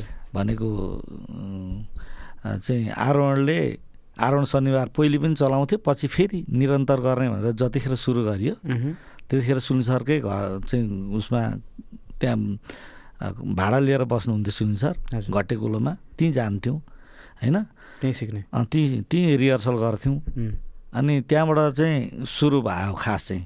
हामी जोड्यौँ हामी जोडिएपछि सुनि सरलाई पनि त्यो एक खालको अब किनभने पहिले उहाँहरूसँग जोडिएर काम गर्ने मान्छेहरू सबै तितर बितर भइसक्नु भएको थियो। सुनि सर एक्लो हुनुहुन्थ्यो कि? अनि जब हामी चाहिँ जोडिएपछि ल नि त गरौँ भन्ने भयो अनि हामीहरूलाई पनि त सहारा चाहिएको थियो। कोही न कोही अभिभावक अभि अभिभावकत्व चाहिँ जस्तो कला क्षेत्रमा चाहिँ लिड गर्ने मान्छे चाहिएको थियो। अनि सुनिल सरलाई पनि जस्तो काम गर्ने एउटा टिम चाहिएको थियो। अनि हामी सबै जुट्यौँ। जिरोबाट सुरु गऱ्यौँ। अब त्यतिखेरको चाहिँ तात्कालीन महानगरपालिकाले चाहिँ केशव स्थापितले छ महिनाको भाडा म तिर्दिन्छु भन्नुभयो। अनि सुरु भयो। सुरुमा तिनजना दर्शकलाई नाटक देखायौँ। तेह्रजना कलाकारले। तिनजना? तिनजना दर्शकलाई फर्काउनु हुँदैन भन्ने थियो। हाम्रो लक्ष्य नै के थियो भने कोही पनि दर्शक नाटक हेर्न आउनुभएको हो। भने बरु रिहर्सल नै जस्तो हुन्छ तर दर्शकलाई नफर्काउने। त्यो अभियानबाट सुरु गरे हो नि त। बिस्तारै हामीले तिनजना दर्शकलाई मात्र पनि बाह्र तेह्रजना कलाकारले नाटक देखाउँदै गर्दा पछि गुरुकुलको पछिल्लो समय कर्णाली दक्षिण बग्दो छ चाहिँ दिनमा चार सौसम्म पनि गर्नु पऱ्यो हाउसफुलका हाउसफुल। चार सौ होइन? त्यो हिसाबले ना नाटकमा एक खालको क्रान्ति नै हो। अब हामी सबै त्यहीँ बस्ने सधैँ त्यहीँ बस्ने त्यहीँ खाने त्यहीँ काम गर्ने चाहिँ हल बढार्ने जिम्मा एकजनाको टोयलेट सफा गर्ने जिम्मा अर्कोको कोठा सफा गर्ने अर्कोको उम्, देखि लिएर कहिलेकाहीँ बाटो बिग्रियो पहिरो गयो भने बोरामा चाहिँ माटो हालेर भर्नेदेखि लिएर अनि चाडपर्व आउँदा रमाइलो गर्ने एक खालको एउटा भाइब्स एकदमै गजबको थियो त्यो। अहिले पनि सम्झिन्छु म अब त्यो आफ्नो ठाउँ बन्न सकेन। त्यो किन भयो? त्यो भाडामा थियो ल्यान्डलर्डले दिएन। दिएन। अहिले त्यसलाई अन्त चाहिँ अन्त चाहिँ यस्तो भयो ठ्याक्कै भनेको बेलामा अब एकजना व्यक्तिको पहलमा त्यत्तिका वर्ष चाहिँ गुरुकुल जो नेपाली नाट्य क्षेत्रलाई अगाडि बढाउनलाई गुरुकुलले जुन खालको काम गर्यो त्यो आफ्नो व्यक्तिगत पहलमा चाहिँ त्यो स्तरमा काम गरेको थियो। जुन चाहिँ राज्यले गर्नुपर्ने काम थियो त्यो एउटा व्यक्तिले गरिरहेको ठाउँमा अब राज्यले पनि केही सपोर्ट गरेर कहीँ कतै जग्गा उपलब्ध गराइदिएदेखि निरन्तर गर्ने भनेर प्लान गरेको तर राज्यले उपेक्षा गर्यो। होइन? अनि त्यो भएर ठाउँ भएन ठाउँ नभएपछि त्यत्तिकै कोल्याप्स भयो। जस्तो यहाँ भयो सुनिल सरको फोटो छ एउटा होइन? हजुर। अहिले कतिको भेट हुन्छ तपाईँहरूको? भेट हुन्छ हिजो पनि भेट भएको थियो के के अहिलेको टपिक के हुन्छ तपाईँहरूको? अहिलेको टपिक त अब खुसी हुनुहुन्छ हामीहरूलाई यो ठाउँमा ठाउँ ठाउँमा सबै हामी हामी स्थापित भएको देख्दाखेरि चाहिँ अब जे उहाँलाई एकदमै गर्व लाग्छ। होइन अब पहिले हामी गुरु चेला जस्ता थियौँ अहिले हामी साथी जस्तो भएको छौँ कि। हामीलाई एकदमै माया गर्नुहुन्छ। तर जे होस् अ, टपिक त त्यही ना नाटककै विषयमा कुरा हुन्छ। तिमी नाटक गर्दैनौ? भन्नुहुन्छ कि मलाई डाइरेक्सन गर एउटा। भन्नुहुन्छ बेला बखतमा। गर्छु के सर? पर्खिन्न भन्छु। तर कुरो के छ भने अब डाइरेक्सन गर्नलाई समय दिनुपर्छ। अब धेरै समय दिँदाखेरि यता फिल्महरू हुन्छ। कामहरू त्यसले गर्दाखेरि हो तर गर्न चाहिँ गर्छु सर। म तयारी गरिरहेको छु तपाईँ ढुक्क हुनुहोस् भन्छु. के भन्नु। अहिले अहिलेसम्म भएको छ कि छैन डाइरेक्सन? अहिलेसम्म गरेको छैन। छैन। छैन। सरस्वती हेर्ने हो भने लगभग कति कति वर्ष चाहिँ भयो अहिलेसम्म? त्यो तपाईँ फर्स्ट टाइम नाचघरमा प्रवेश गरेदेखि आजसम्मको टाइम चाहिँ कति वर्ष नाचघरमा पचपन्न छप्पन्नतिर होला सम्भव त्यसो भए त बिस तिन तेइस तेइस चौबिस चौबिस चौबिस पच्चिस चौबिस वर्ष भयो। नाटकले कतिवटा देश डुलायो? सात छ सातवटा जस्तो डुलायो होला। पहिले डेनमार्क गयौँ। डेनमार्क पछि रसिया गयौँ। त्यसपछि बङ्गलादेश पाकिस्तान भारत भइहाल्यो। China China. गयौँ। अनि लास्टमा युके गएँ. यो कहाँको फोटो हो यो? यो चाहिँ डेनमार्क जाँदाखेरिको फोटो हो। यो चाहिँ हामी यो जहाज चढेर स्विडेन ठ्याक्कै डेनमार्कको पारिपट्टि स्विडेन। अनि स्विडेन घुम्न जाँदाखेरिको फोटो हो यो चाहिँ। ओके। कति सालतिर गयो त यो? यो दुई हजार तिन भनेको नेपाली डेट चाहिँ कहिले पऱ्यो त? अब त- 2003 तिन, भनेपछि त्यही लगभग साठी सालतिरको। साठी एकसठी सालको। ओके। जस्तो अब यो हामीले धेरै कुरा गऱ्यौँ नाटकको विषयमा होइन? यो गुरुकुलको विषयमा। लाइक अब त्यो तपाईँको छिट्टै त्यो एउटा प्रोजेक्ट त हामीले हेर्न पाउने कुरा भइ नै हाल्यो। आज सायद त्यो डाइरेक्टरकै रूपमा हुन्छ होला। होइन? हजुर। यो तपाईँले लास्ट टाइम गर्नुभएको नाटक चाहिँ कति कति टाइम अगाडि हो? आफैले खेल्नुभयो मैले लास्टमा खेलेको नाटक भनेको ह्यामलेट नै हो। ह्यामलेट खेलेको चाहिँ चार पाँच वर्ष भयो होला। त्यसपछि खेलेको छुइनँ। आज वर्ष मिस भयो नाटकलाई? एकदमै. यो नाटक र सिरियलहरू होइन अनि चलचित्रहरूमा एउटा क्यारेक्टर निभाउनुहुन्छ नि त। हुन त अब नाटकमा टेक हुँदैन। यता टेक हुन्छ धेरै कुराहरू फरक छ होइन? तथापि एउटा पात्रमा भिज भिज्न चाहिँ तपाईँहरू अब नाटकबाट आउनुभएको हिसाबले त्यो पृष्ठभूमि भएको हिसाबले तपाईँहरूलाई अरू क्यारेक्टर अरूलाई अरू पात्रहरूलाई भन्दा सजिलो हुन्छ कि? फिल्ममा चाहिँ. Film serial? फिल्म सिरियलमा भन्दा मजा चाहिँ नाटकमै आउँछ होइन? किनभने नाटकमा चाहिँ त्यो पात्रसँग यति धेरै अभ्यस्त भइसकेको हुन्छ त्यो रिहर्सलले। अनि तपाईँले आफूलाई काहीँ पनि त्यो अप्ठ्यारो महसुसै हुँदैन क्या अनकम्फर्टेबल लाग्दै लाग्दैन सधैँ. कम्फर्ट लाग्छ नाटकको पात्र चाहिँ। हजुर। फिल्मको पात्र चाहिँ तत्काल दिइन्छ फिल्म अथवा सिरियलमा चाहिँ तत्काल स्क्रिप्टमा फ्याट्ट दिइन्छ। अनि त्यो भित्र छिर्नलाई चाहिँ टाइम नै हुन्न कि। प्रोसेस नै पुग्दैन। हजुर। अनि त्यो प्रोसेस नपुगेपछि कहिलेकाहीँ प्रोसेस पुर्याउन सक्यो भने बेस्ट बन्छ। तर प्रोसेस पुर्याउन सकिएन भने चाहिँ बेस्ट बन्दैन क्या। अनि तर गाह्रो त हुँदैन। हामीले जस्तो नाटकमा मा गरिरहेको ज जसरी काम गर्छौँ त्यो हिसाबले डायलग दिँदाखेरि हामीलाई पाँचदेखि सात मिनट जति टाइम दियो भने त्यो डायलग कण्ठ पनि हुन्छ। किनभने हामीलाई बानी छ नि त डायलग कण्ठ गर्ने। अनि त्यो क्यारेक्टरलाई बुझ्न सक्यो भने त सजिलै हुन्छ। त्यस्तो गाह्रो लाग्दैन। भिज्न क्यारेक्टरमा भिज्न त्यति समय। एकछिन समय चाहिँ चाहिन्छ तर कहिलेकाहीँ चाहिँ तत्कालै दिँदाखेरि चाहिँ रिलेटेड गरिन्न क्या जस्तो फिल्मको जस्तो नाटकको चाहिँ के छ भने ओभरअल तपाईँको जर्नी थाहा हुन्छ. क्यारेक्टरको जर्नी।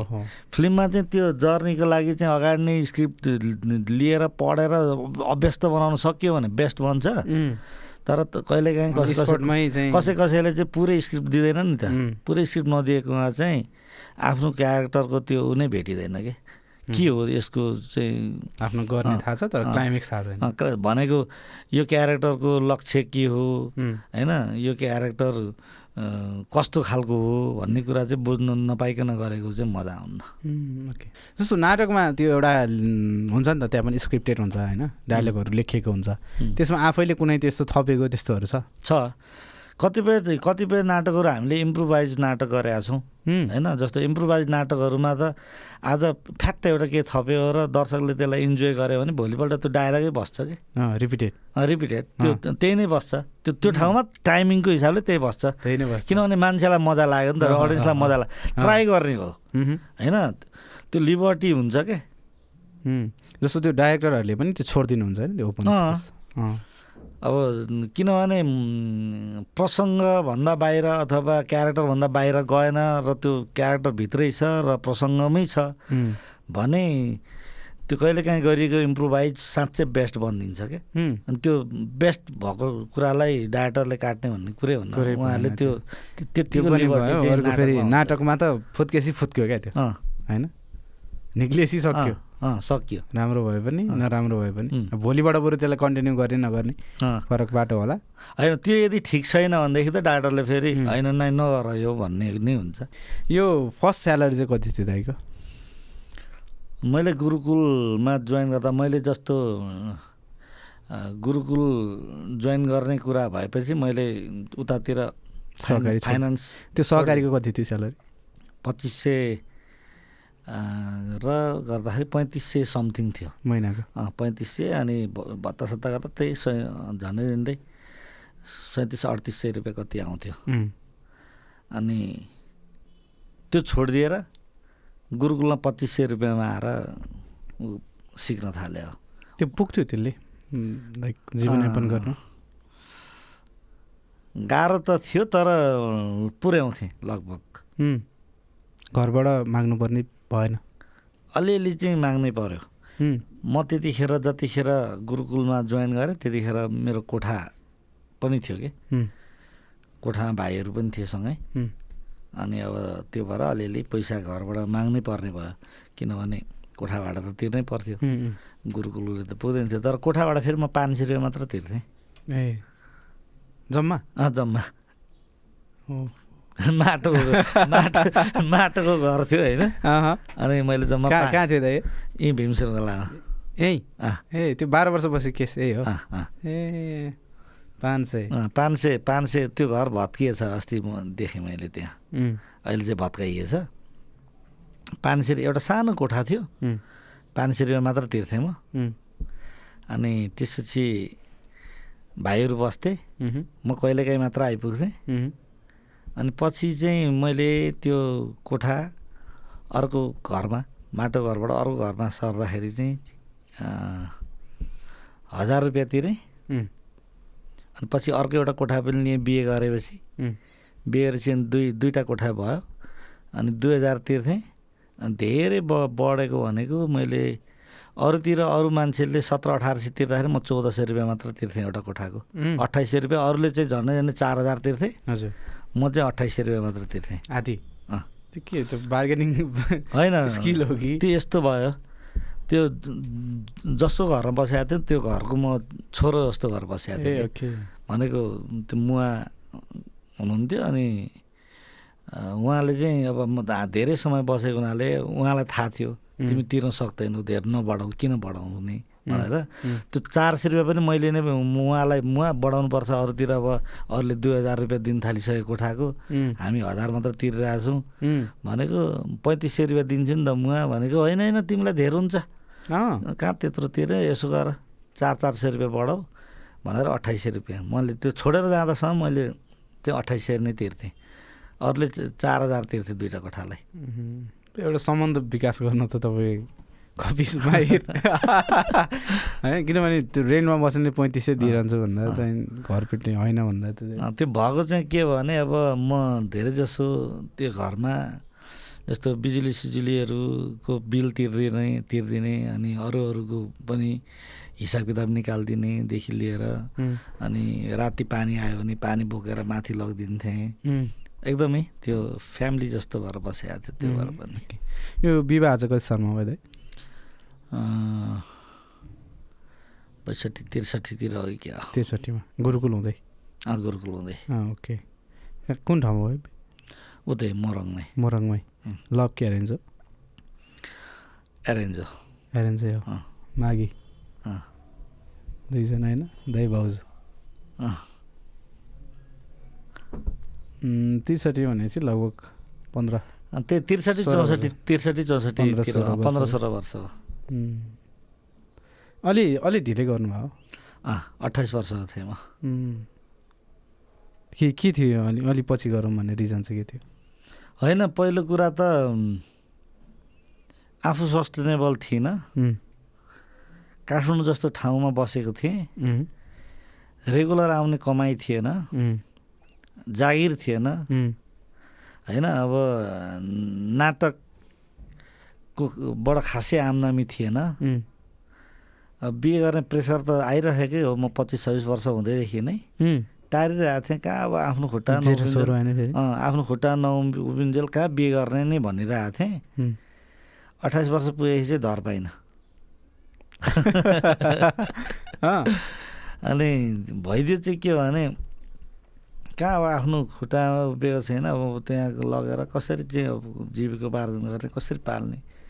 भन्ने कुरो हुँदा बुवाले एउटा डायलग ठोक्नु हो कि।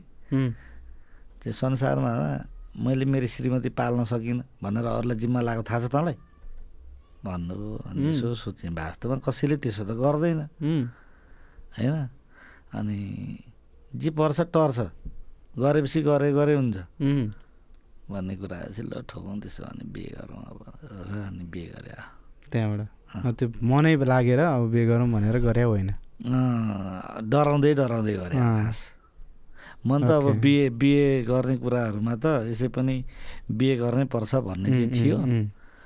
तर अब डर थियो कसरी सस्टेन गर्ने एउटा त्यो अट्ठाइस वर्षको उमेरसम्म पनि होइन अब तपाईँ त्यति लामो समय काम गरिरहेछ मेहनत चाहिँ गरिरहेछ टाइम पनि दिइरहेको छ तर आम्दानी भइरहेको छैन फेरि होइन एक्लो ज्यानै कसरी पाल्ने भन्ने सिचुएसन भइरहेछ होइन।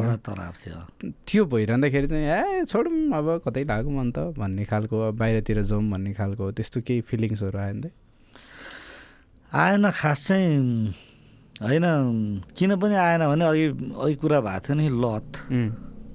त्यो लतले त्यस्तो हुनै दिएन कि? जस्तो डेनमार्क पुगेको थियो नि त। हामीले डेनमार्कमा पनि त्यो समुद्रको छेउै छेउ कुरा गर्दै गर्दै जाँदाखेरि दुई तिनजना तिन चारजना साथी थियौँ। कि भाग्ने हो पनि. भने हो कि? हो र? अँ। होइन कि भाग्ने हो पनि भनेर सल्लाह पनि गऱ्यौँ कि? कि भाग्ने हो? ए, भाग्दिउँ यार पनि भन्यौँ।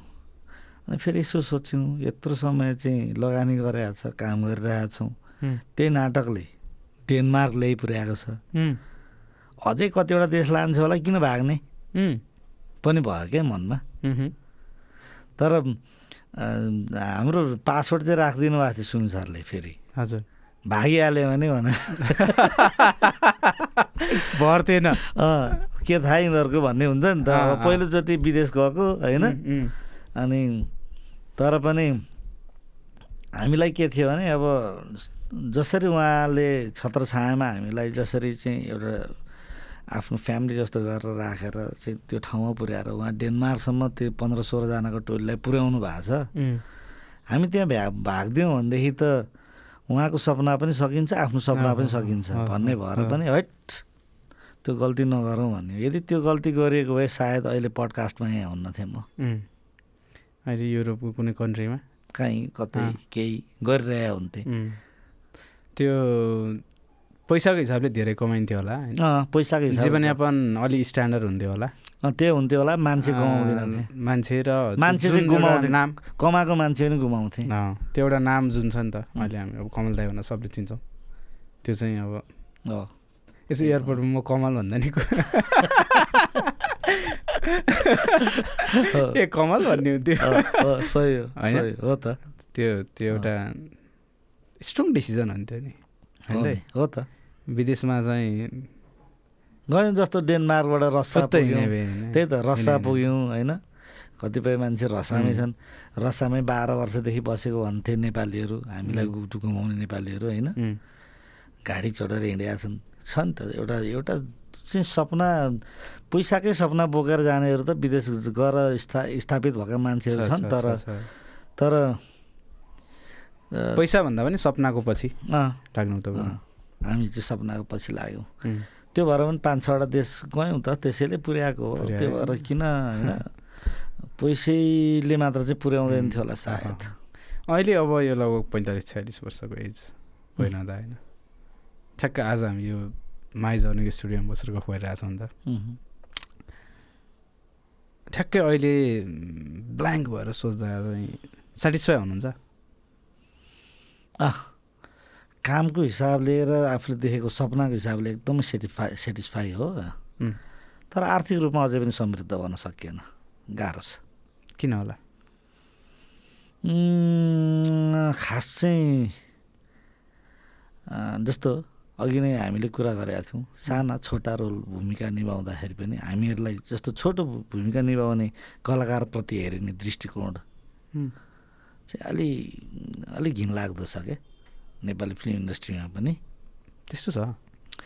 खासै त्यो हुन्छ नि आखिर तिनै कलाकारहरू नै हुन् नि त फिल्ममा एउटाको जीवनसँग अर्को जीवन जोडिँदै जाने त। तर अब पारिश्रमिकमा चाहिँ अत्यन्तै के त्यो डिफ्रेन्स एकदमै एकदमै डिफ्रेन्स छ क्या मैले जति समय दिन्छु त्यति नै समय लिड क्यारेक्टर गर्नेले पनि दिँदाखेरि पनि हामीलाई दिने पारिश्रमिक चाहिँ सकेसम्म भर्सक थोरै कमै भर्सक दिनै नपरे हुन्थ्यो. भाडा अथवा दिएको पनि नदिनेहरू पनि छन् होइन? त्यस्तो नि छ। छन्। अब अहिले नाम किन भन्ने तर ज जसले हेर्नुहुन्छ उहाँहरूलाई फिल हुनुपर्छ जस्तो लाग्छ। किनभने हामीले त आफ्नो कर्म गरेका छौँ नि त। त्यो फिल्म आफूले गरेको फिल्म गओस् जाओस् डुबोस् त कोही कोही कसैले पनि चाहँदैन सोच्दैन। होइन तर पनि हाम्रो पारिश्रमिक मार्नेहरू त लाई त पापै लाग्छ। खुसी कहिले हुन सक्दैन। पापै लाग्छ? त्यो त जस्तो यो पारिश्रमिकको कुरा गर्दा त्यस धेरै अन्तर छ भनेपछि होइन त्यो एउटा। जो जसले लिड रोल गर्छ छ र तपाईँहरूकोमा चाहिँ छ। त्यस्तो केही छैन त्यस्तो निकायहरू लाइक त्यो पारिश्रमिकको विषयमा चाहिँ त्यस्तो अलि हुन्छ त्यो छैन नेपालमा चाहिँ त्यो यति हुनुपर्छ भन्ने खालको। कुनै ऊ छैन क्या एटलिस्ट जस्तो इन्डियामा चाहिँ छ जम सम्भवतः जस्तो क्राउड आर्टिस्ट अथवा चाहिँ उसको लागि छुट्टा छुट्टै एउटा रेट छ क्या र. प्राविधिकहरूको सबैको. यति चाहिँ हुनुपर्छ भन्ने नेपालमा खै त्यो न चलचित्र विकास बोर्डले त्यो कुरालाई ध्यान दिन्छ न. चलचित्र कलाकार सङ्घले ध्यान दिन्छ। पारिश्रमिक पाएको छुइनँ भनेर जाँदाखेरि त खासै इनिसिएसन लिएर त्यो गरिदिने छैन। त्यस्तो ठ्याक्कै यहाँ अहिले कुरा आयो होइन? जस्तो एउटा लिड रोल गर्ने कसैले पैसा पाएन भने उसले हङ्गामा गरिदिन्छ. त्यो डर पनि हुन्छ क्या। यसले बोलिदियो भने त भन्ने पनि हुन्छ होला सायद। है. त्यो त्यति आउँ आउँदैन त्यो गाई गई आउँदैन आउँदैन। अनि एउटा कुनै जस्तो अप्ठ्यारो सिचुएसनहरू पऱ्यो भने प्राविधिकहरूको कुरा आउँछ। हो चलचित्र प्रा- प्राविधिकले यस्तो पऱ्यो ल सहयोग गर्नु जस्तो यही कोभिडको टाइममा नै कुरा गरौँ न लाइक त्यो प्राविधिकहरूलाई समस्या पऱ्यो भने धेरैजना लाग्नुभयो सहयोग गर्नुभयो राम्रो कुरा हो त्यो होइन? त्यसलाई हामीले नराम्रो भन्न खोजेको होइन. तर त्यो अरू रोलमा खेल्ने आर्टिस्टहरूको लागि चाहिँ त्यो मैले पनि बोलेको सुनेको छैन क्या। छैन छैन कसैले पनि जस्तो जुन हिसाबले प्राविधिकलाई सहयोग गर्नुपर्छ प्राविधिक मर्कामा छन्। भनेर हुन्छ नि त मान्छेले। अनि त्यो अलिकति कम रोलमा खेल्ने आर्टिस्टहरू पनि मर्कामा छ भनेर चाहिँ सुनेको छैन कसैले पनि गर्दैन त्यो। खै किन थाहा छैन। ने त्यही भएर नेपालमा कलाकारहरूलाई गाह्रो छ अनि कतिपय कलाकारहरू पलायन भएर चाहिँ चाहिँ बाहिर जानु परेको अवस्था के हो. के थाहा? कमलमणि पनि कुनै दिन पलायन भएर जानुपर्छ कि? के। भन्न सकिन्न नि।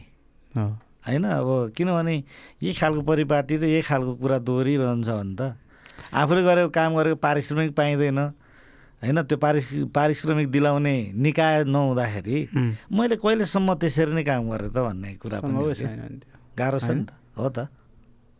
त्योभन्दा त बरु मजाले ज्याला गरेर पाँच हो। सय कमायो भने बरु खुसी ह्यान्ड क्यास त। हुन्छ बरु। हो त। त्यो सोध्छ नि दाइ मान्छेले। होइन पक्का सायद अब त्यो मैले पनि सायद कुनै दिन सोध्छु होला. होइन पर्यो परिआएको खण्डमा।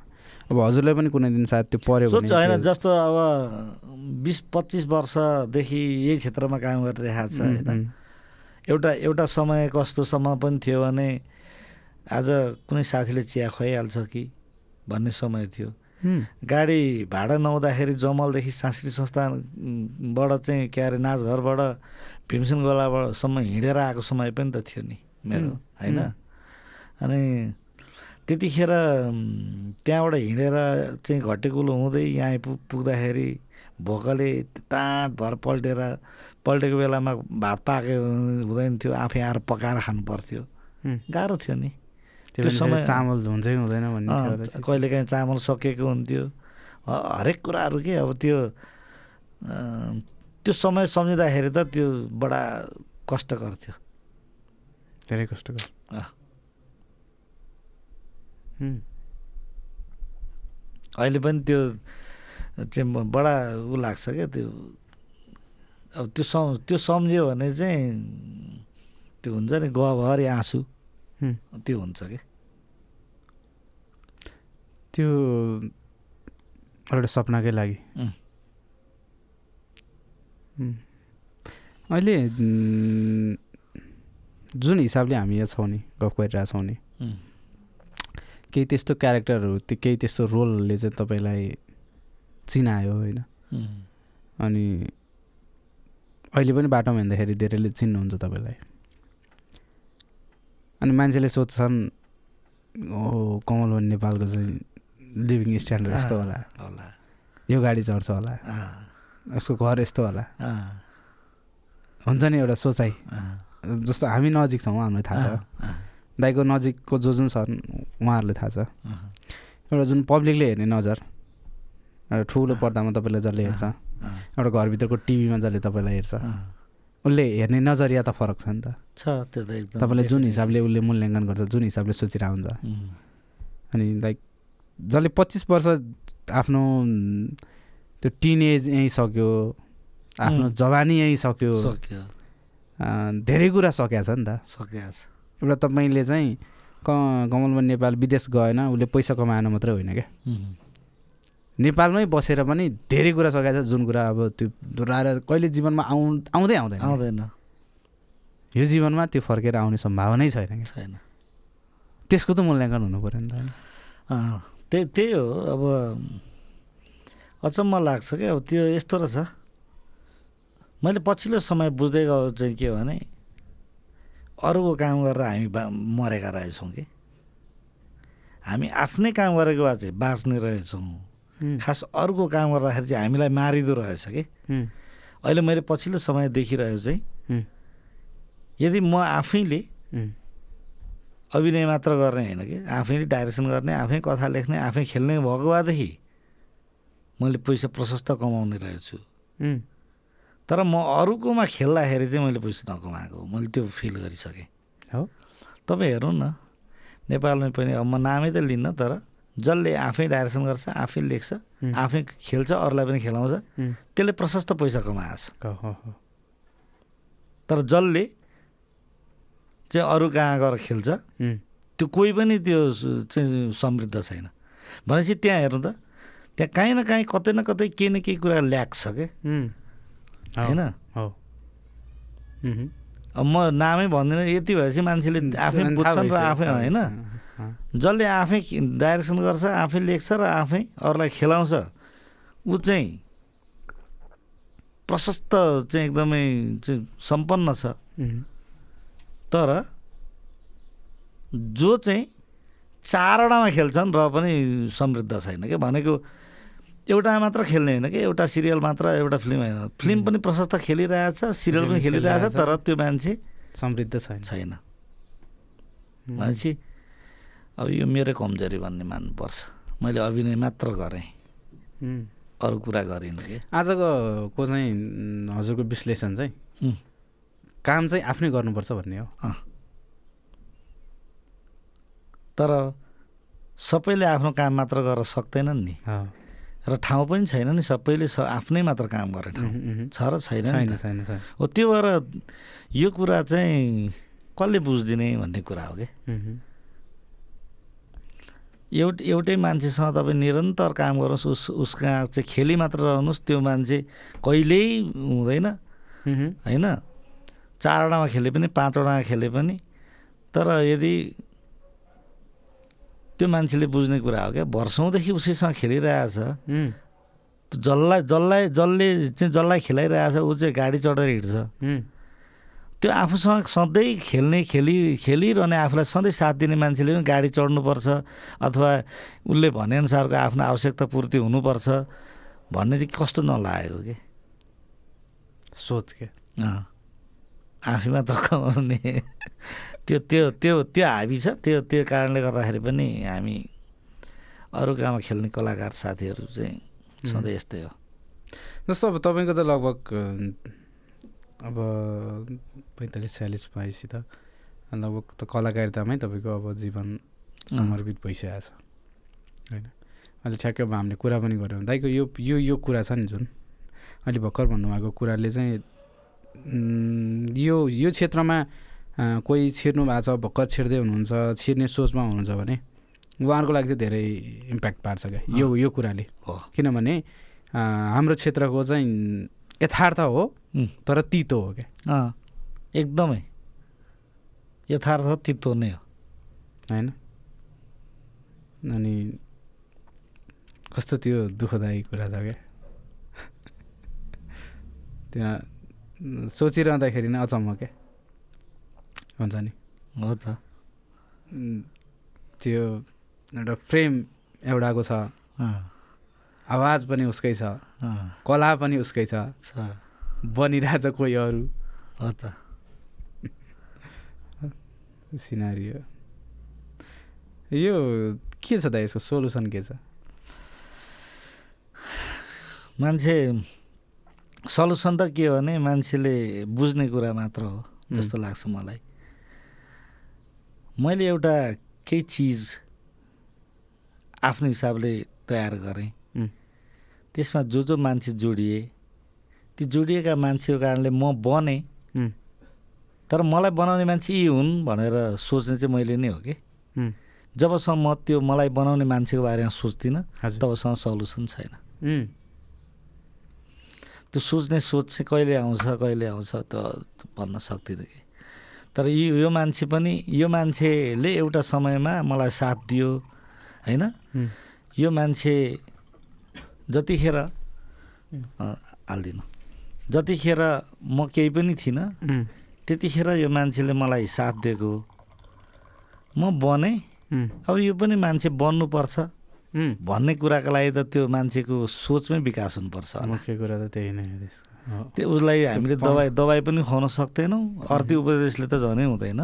त्यसको पर्मानेन्ट सोल्युसनै त्यही नै हो। त्यही हो। म त त्यही नै भन्छु। यदि म जोडिएर यदि कसैले चाहिँ उसलाई प्रशस्त पुगेको छ भनेदेखि मेरो बारेमा पनि सोच्दै के बिग्रिन्छ। भन्ने कुरा मात्र हो। चारको मासु अनि एक त के भयो त अनि? होइन। हो नि।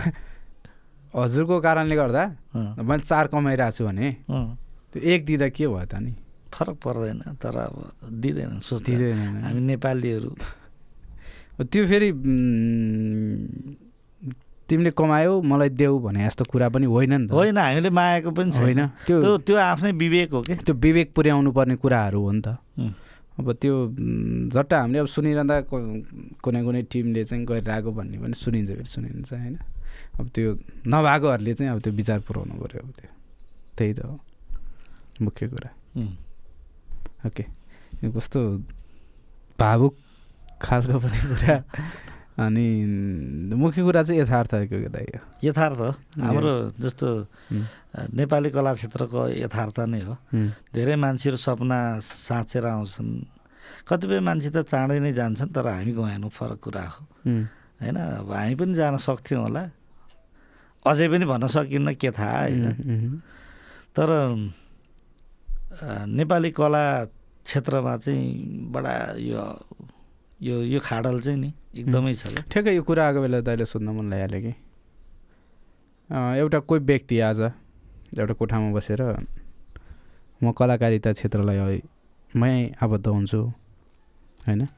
अथवा म नाटकमै जान्छु भन्ने होला म सिरियलमै होला म ठुलै पर्दामा जान्छु भन्ने होला जता गए तापनि।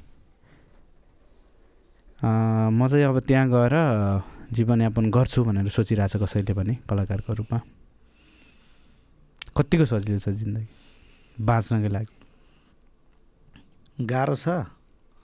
तर एउटा कुरा के हो भने यदि दृढ सङ्कल्प लिएर आउनुहुन्छ तपाईँ त्यत्तिकै डेभोटेड हुनुहुन्छ म गर्छु भन्ने लाग्छ भने चाहिँ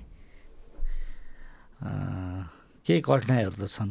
भन्ने बित्तिकै तपाईँलाई चाहिँ त्यो स्थान प्राप्त चाहिँ हुन्न। तर तपाईँसँग त्यो क्षमता पनि चाहिन्छ। त्यो हुनु पनि पर्छ। होइन अनि सँगै धैर्य गर्न सक्नुपर्छ।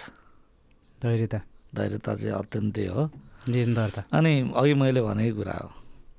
गर्दाखेरि चाहिँ जस्तो म जस्तो मात्र अभिनय मात्र गर्छु भनेर चाहिँ नसोच्नुहोस्। म गर्छु पनि गराउँछु पनि सोच्नु दुइटै। सो अलिकति अब टपिक अलिकति चेन्ज पनि गरौँ है। यो दाइ अब कुदेको कुदै हुनुहुन्छ नि त हजुर। यता सिरियलको सुटिङ भनेको अहिले होइन तपाईँको सिरियलको सुटिङ पनि लामै हुन्छ सिरियल त अहिले यतिखेर चाहिँ अहिले त। छैन होइन त्यही पनि भएको समयमा। त्यो भन्यो मुभी भन्यो होइन कता कता भन्यो मुभीकै प्रमोसनहरू भइरहेको। मेरो कुदाइ हेर्दा त अघि तपाईँले भने जस्तै मान्छेले बाहिरबाट हेर्दा यति धेरै काम गर्छ प्रशस्तै पैसा कमाएको छ भन्ने भन्ने भन्ने छ मान्छेलाई। होइन युट्युबतिर एक दुईवटा भिडियो पनि देखाएको छु खोपिका बाबुको लाइफ स्टाइल भनेर राता गाडी सेता गाडी। बिचरा बिचरा म त्यो गाडी कहिले चढ्नु थाहा छैन। होइन? अब त्यही हो अब कमसेकम मान्छेले त्यति सपना देखाइदिएको छ त्यो. त्यही सपनाको पछाडि त। कुदिरहेको त त्यो मूल्याङ्कन गरिदिनु नि ठुलो कुरा। ठुलो कुरा हो तपाईँ केही भएर न उहाँ मूल्याङ्कन उहाँहरूले त्यो मूल्याङ्कन गरिदिए गरिदिएको चाहिँ के भने मेरो लागि पुगोस् नै भन्ने कामना। गर्छु सधैँ। त्यो पुगोस् सबै कुरा छिटै पुगोस्। भन्ने छ ओके यो कुदेको कुदै हुनुहुन्छ होइन। घरमा चाहिँ कतिको समय दिने भ्याउनुहुन्छ एकदमै कम सधैँ घरको गुनासो बिहे गरेदेखि नैको गुनासो श्रीमतीजीको पनि गुनासो सधैँ के हो भने काहीँ कतै घुम्नै गइएन। काहीँ कतै लानै पाइएन। होइन? अब पहिलो कुरा लानलाई समय भएन। दोस्रो कुरा समय हुँदा पैसा भएन। होइन। कस्तो मिठो कुरा फेरि सुनौँ। अनि कहिलेकाहीँ लानलाई समय भएन। कहिलेकाहीँ समय भयो भन्दाखेरि पैसा भएन। यिनै कुराले गर्दाखेरि चाहिँ परिवारलाई त्यति धेरै समय दिन पाएको छैन। पछि केटाकेटी भए। केटाकेटीलाई पनि कतै लान पाएको छैन। होइन? त्यो-. त्यही त हो। सधैँ सधैँ त्यो अझ बढी त के हुँदो रहेछ भने उत्तरदायित्व बच्चा बच्ची भएपछि आफ्नै खालको उत्तरदायित्व हुँदो रहेछ। उनीहरूलाई चाहिँ पालन पोषणदेखि लिएर शिक्षा दीक्षा आदि इत्यादिका। अनि तिनै कुराहरूको का लागि कुद्दा कुद्दा कुद्दा कुद्दा यस्तो कुदि कुदिराखिएको छ कि त्यो कुदाइ रोकिएको छैन। कहिले रोकिन्छ टुङ्गो पनि छैन। मैले केटाकेटीलाई र बुढीलाई घुमाएको भनेको यसपालि मात्र हो। यसपालि पनि त्यो प्रसाद भन्ने फिल्मको सुटमा थिएँ। धेरै लामो समय उतैतिर बसिएँ अनि उतै हो यही बेला यो ठ्याक्कै। पुम्दीकोट। अँ पुम्दीकोट। यसपालि चाहिँ अनि उतै बोलाएर जहाँ सुट त्यहाँ उहीँ स्पटमै? अँ। ब बसेँ लुवाङ घलेबाट बसेर त्यहाँ स सुट सकेर अनि पोखरा आएर पोखरा घुमेर अनि आएको तर आफ्नै खर्चमा। फेरि प्रोडक्सनको खर्च चाहिँ होइन। फिल्मको खर्च चाहिँ होइन। भनेपछि यो जस धेरै पछिको घुमाइ। अँ धेरै पछिको र सँगैको यतिको यति यतिको खुसी साथको घुमाइ चाहिँ यही हो। यही हो. समय मिल्दैन। समय अँ, त्यही दुइटै कुरा दुइटै ओके यो रमाइलो कुरा नि भइरहेछ है बिच बिच सिरियस कुराहरू पनि आइरहेछ निकै इन्टरटेनिङ भइरहेछ यति धेरै कुरा गऱ्यौँ नि त हामीले कति कति छयालिस सालमा जन्मेदेखि के अरे छयालिस वर्ष अगाडि जन्मेदेखि. पच्चिस वर्ष त यो क्षेत्रकै कुरा गऱ्यौँ हो त। अनि यति धेरै कुरा गरिरहँदाखेरि जिन्दगी चाहिँ के रहेछ? जिन्दगी चाहिँ एउटा परीक्षा हो। पास कि फेल भन्ने कुरा चाहिँ अब विगतले जनाउँछ त्यही हो. परीक्षा? परीक्षा हो। म परीक्षा त दिइरहेको छु नि। म अभिभावकको रूपमा कति सक्षम छु। कलाकारितामा कति सक्षम छु। होइन? अनि बाबाआमाका लागि कतिको सक्षम छु? एउटा उत्तरदायित्वको हिसाबले छोराछोरीको उत्तरदायित्वको हिसाबले होइन? समाजका लागि कति उत्तरदायित्व छु? उत्तरदायी छु होइन? साथीभाइका लागि कति प्रिय छु? यी सबै कुराहरूको लागि परीक्षा दिइरहेको त हो. होइन? त्यही परीक्षा हो। परीक्षा। कसले कसले जान्दा दाइ यो? हँ? कसले जाँच्छ होला यो? थाहा छैन यो समयले नै जाँच्ने हो। अहिलेसम्म अब यतिका वर्ष भयो होइन अब गरिरहेको छु अब कति कुरामा फेलियर हुन्छु कति कुरामा पास हुन्छु। यो त अब हेर्दै जाने कुरा हो। अब के भन्न सकिन्न जाँच्ने चाहिँ ठ्याक्कै अब मलाई नजिकबाट हेर्ने जान्ने बुझ्ने मान्छेहरूले हो. यो अहिलेसम्म आजको दिनसम्म जिन्दगीमा केही छ त्यस्तो रिग्रेट्सहरू रिग्रेट चाहिँ केही पनि छैन अहिलेसम्म। मैले जे चाहेको छु जे खोजेको छु त्यो पुरा नै भएको छ होइन. त्यो भन्दैमा फेरि मैले पैसै मात्र पनि खोजे होइन. तर मान्छेलाई त्यो घाँस बाँस कपासका लागि चाहिने जुन आधारभूत कुराहरू हो. त्यसका लागि मात्र मलाई पैसा चाहियो मलाई फेरि हेलिकप्टर किन्नु छैन प्लेन। किन्नु छैन गाडी नै चढेर हिँड्नु पनि छैन. एटलिस्ट पारिवारिक उत्तरदायित्वको हिसाबले जस्तो आम मान्छे जतिको जीवन. हुन्छ नि एकदमै भयङ्करै चाहिँ सुखी जीवन पनि चाहिएन. कहिलेकाहीँ अभावमा धेरै सृजना हुन्छ क्या खास. मान्छेलाई क्रिएटिभिटीको हिसाबमा क्रिएटिभ मान्छे क्रिएटिभ हुने चाहिँ अभावले हो कि? त्यो भएर मलाई धेरै सुख चाहिएको छैन। म यदि धेरै सुखी भयो भने मबाट मेरो क्रिएटिभ कुराहरू हराउँछ क्या त्यो भएर जीवन एउटा लयमा चलिरहोस् भन्ने हिसाबले हो। त्यो भएर। त्यो त्यस्तो धेरै रिग्रेट फिल चाहिँ भएको छैन। एउटा कुरा चाहिँ के छ भने अध्ययनलाई अलिकति अलि राम्रोसँग लान पाएको भए हुन्थ्यो भन्ने चाहिँ भयो तर सकिएन। त्यो चाहिँ के हो भने कलाकारतिर लाग्दा लाग्दै अध्ययन छुट्यो कि त्यति हो. कति कतिसम्म भयो? मैले सर्टिफिकेट लेभल क्लियर गरेँ आइए क्लियर गरेँ. बिए थर्ड इयरसम्म पढेँ तर छोडिदिएँ बिचैमा ए ओके। त्यो एउटा पढाइको कुरा चाहिँ।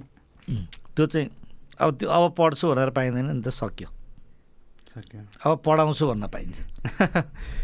तपाईँ छोराछोरीलाई। त्यो पनि भयो। अर्को त्यो एउटा जुन जुन क्षेत्रमा तपाईँको अनुभव छ. त्यही कुरा पनि पढाउनु पाइयो नि त। पाइयो। होइन? अझ मुख्य मुख्य तपाईँको पढाइ त त्यो हो नि. अर्कोमा त तपाईँले त्यो बाह्र पन्ध्र वर्ष पढ्नु होला यहाँ पच्चिस वर्ष पढिसक्नु भएको एकदमै होइन? मुख्य पढाइ त यता पो छ त अनुभवको पढाइ अब त्यो चाहिँ तपाईँले पढाउनु पर्छ अँ। किनभने त्यो यति लामो अनुभव भएको सायद त्यो पछि पढ्न पाइन्छ कि पाइँदैन क्या? किनभने अघि तपाईँले भन्नुभयो नि त अभावले धेरै कुराहरू सिकाउँछ भन्नुभयो नि त। अनि आजसम्म पनि त्यो सिकिरहेको सिचुएसनले त कति कुरा सिकाउँछ क्या? धेरै कुरा। धेरै कुरा क्या? अथाह छ क्या त्यो? त्यो कुरा चाहिँ यसो धेरै पनि परेन। थोर बहुत यसो छर्दै नि भयो भने पनि त्यो त गरिरहेको छु. जस्तो एक्टिङकै क्लासहरू पनि प्रशस्त ल्याएको छु। यति धेरै विद्यार्थीहरूलाई सिकाएको छु होइन। यति धेरै वर्कसपहरू चलाइ चलाइएको छ पहिले पनि। पछिल्लो समय पनि दुई तिनवटा ब्याच चाहिँ त्यो चाहिँ आफै आफै गर्नुहुन्छ कि? हाम्रो सकिएको निको टिमले चाहिँ। एक्टिङ क्लास सुरु गरेको थियो त्यसमा तिनवटा ब्याचलाई चाहिँ अभिनयको क्लास लिएकै हो होइन। स्कुलमा पनि पढाएँ केही समय। एक्टिङै? एक्टिङ नै हजुर अब अरू पनि कुनै स्कुलले कहीँ अप्रोच गर्यो? बोलायो भने अझै. पनि त्यो ज्ञान त सधैँ छ त्यो दिन सक्ने क्षमता पनि छ दिन सक्छु भन्ने। पनि छ। मैले आफ्ना अनुभव र आफूले जानेका कुराहरू त. म म भित्रै छ त्यो। फ्याँकेको छुइनँ सकेको छुइनँ मुख्य कुरा त अब सिकाइ हो होइन त्यो सिकाउनेले पनि कतिको सिकाएको छ त्यसमा भर पर्छ। होइन? किनभने उसँग भएन उसले दिने हो। हो त। अनि तपाईँको त पढेको भन्दा पनि परेको अनुभव हो क्या? त्यो हो फेरि अरू के भने एक्टिङ भनेकै गिभ एन्ड टेक हो लिने र दिने दुइटै हो कि। अनि जस्तो अब तपाईँको त पढेको भन्दा पनि परेको चाहिँ शिक्षा हो नि त। हो त। अनि त्यो कुराले त कति सिकाउँछ सिकाउँछ क्या? धेरै कुराहरू। राम्रो नि सिकाउँछ नराम्रो नि सिकाउँछ। चाहिने पनि सिकाउँछ। अथाह भण्डार हो त्यो। त्यो त्यो तर त्यो चाहिँ त्यतिकै खेर जानुहुन्न दाइ जाँदैन भने। जानुहुन्न जाँदैन जान दिन्न पनि किनभने तपाईँको एउटा सपना थियो होइन। यो क्षेत्रमा आएर केही गर्छु भन्ने। अब होला त्यो त्यो आर्थिक हिसाबले त्यो त्यो एउटा तलमाथि होला त्यस त्यसमा जस्तो त्यसमा रिग्रेट छैन अघि भाइले। रिग्रेट केहीमा छ सोद्धाखेरि त आर्थिक रूपमा कमाइन त्यो रिग्रेट भन्थ्यो त्यही त। तपाईँ मुख्य। कुरा तपाईँ कामसँग सन्तुष्टि हुनुहुन्छ होइन सबैभन्दा ठुलो कुरा नै त्यही हो नि. आफूले जे कुरा गरिरहेको छ त्यही सन्तुष्टि भयो भने नै हो अब त्यो इकोनोमिकल्ली पनि हो त्यसले म्याटर गर्छ तर त्यो एउटा सेकेन्डरी पार्ट हो नि त अनि दाइले भोलि त्यो जसले जो जसलाई चाहिँ दाइले एउटा चेला बनाइरहनु भएको हुन्छ. सिकाइरहनु भएको हुन्छ। मेरो सम्पत्ति त्यही होइन?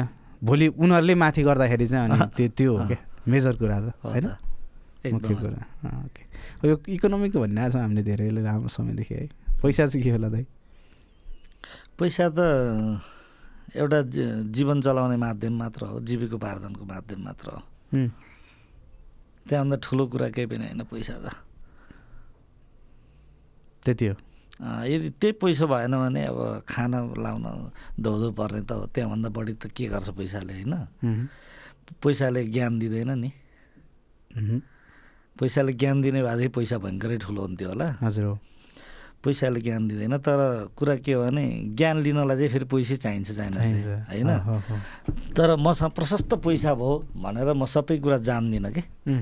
सबै कुरा सिकिँदैन पैसाले। पैसाले ज्ञान लिन सक्ने ठाउँमा पुर्याउन चाहिँ पैसा चाहिएला। एउटा स्कुलमा पढ्न अथवा चाहिँ उ गर्नलाई। तर त्यही हो जीवन चलाउने एउटा माध्यम हो पैसा त। परि परिवार चाहिँ के रहेछ? परिवार चाहिँ खुसी हो। मलाई जस्तो दिनभरि काम गरेर फर्किँदा जब फ्यामिलीको सदस्य देख्छु नि। अनि त्यो बेग्लै आनन्द लाग्छ कि? भनेको थकाइ मर्छ। ती सबै कुराहरू बिर्सिन्छु।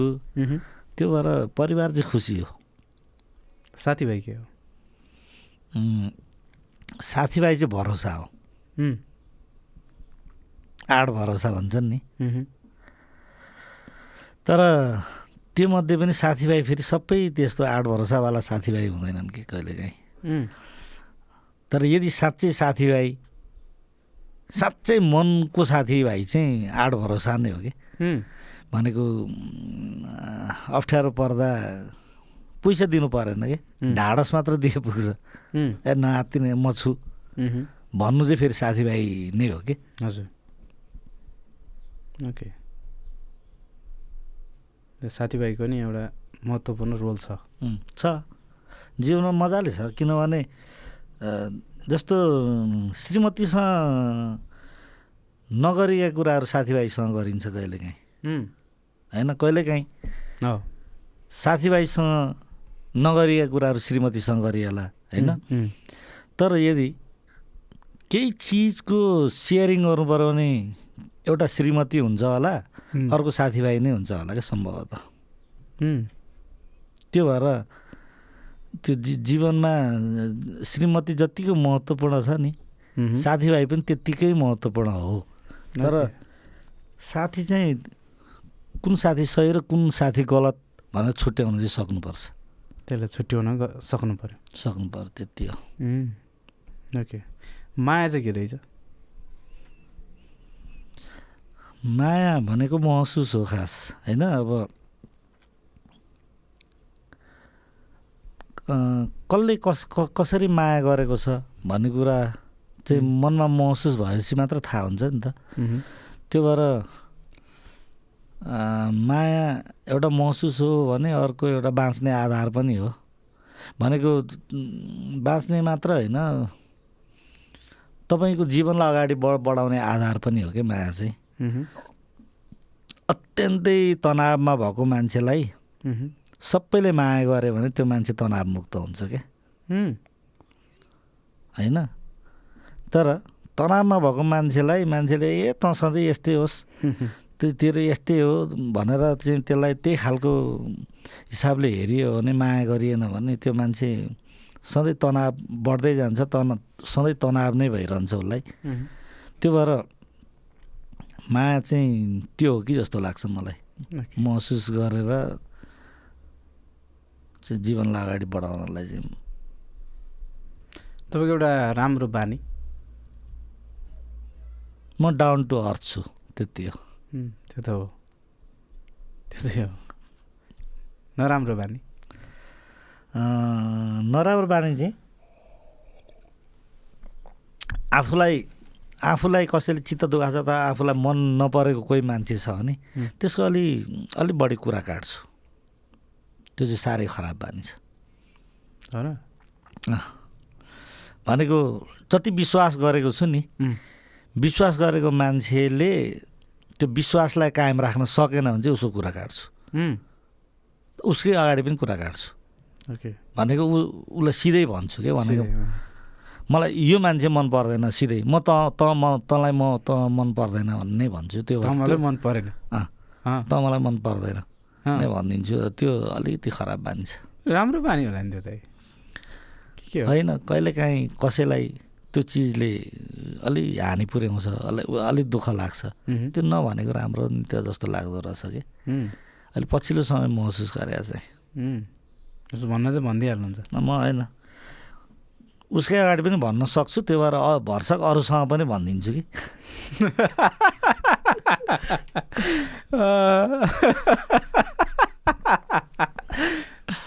त्यो हो कि खास चाहिँ। उसँग भने भए मात्रै त राम्रै हुन्थ्यो होइन।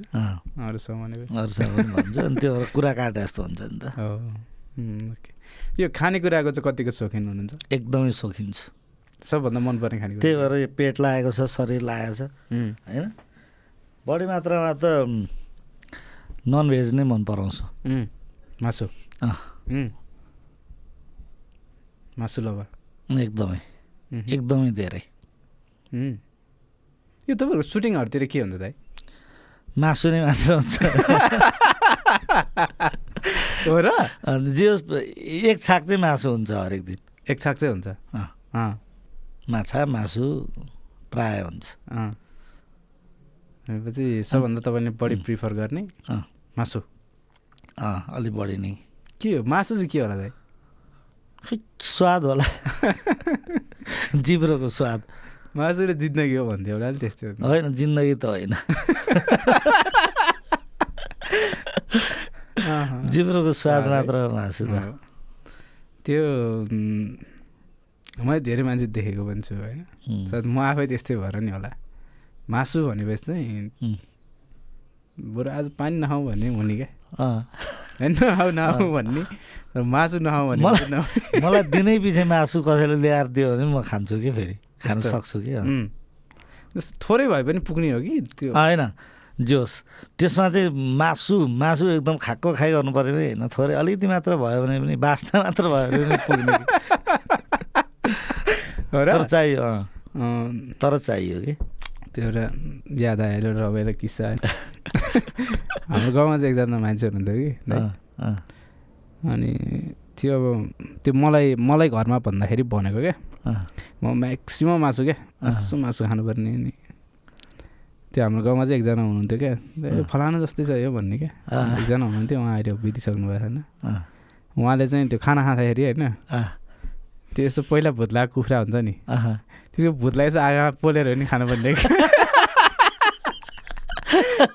त्यो भुतलाई पोलेर ओ माई गॉड त्यतिसम्मको एक्सट्रिम एक्सट्रिम एकदम। अब हामी पनि त्यति नै हुनु भएको छ त छ नि। त्यही भएर होइन त्यही भएर म पछिल्लो समय चाहिँ अब मासु कन्ट्रोल नगरिकन भन्ने भयो क्या रोगी भइयो त्यही अहिले म चाहिँ प्रेसर। प्रेसर र कोलेस्ट्रोल दुइटैको औषधि खान्छु। ए त्यो चाहिँ एउटा अलिक होइन अब त्यो स्वाद त हो। अनि यो जिउ लाग्ने भनेको जिब्रोको स्वादले हो कि?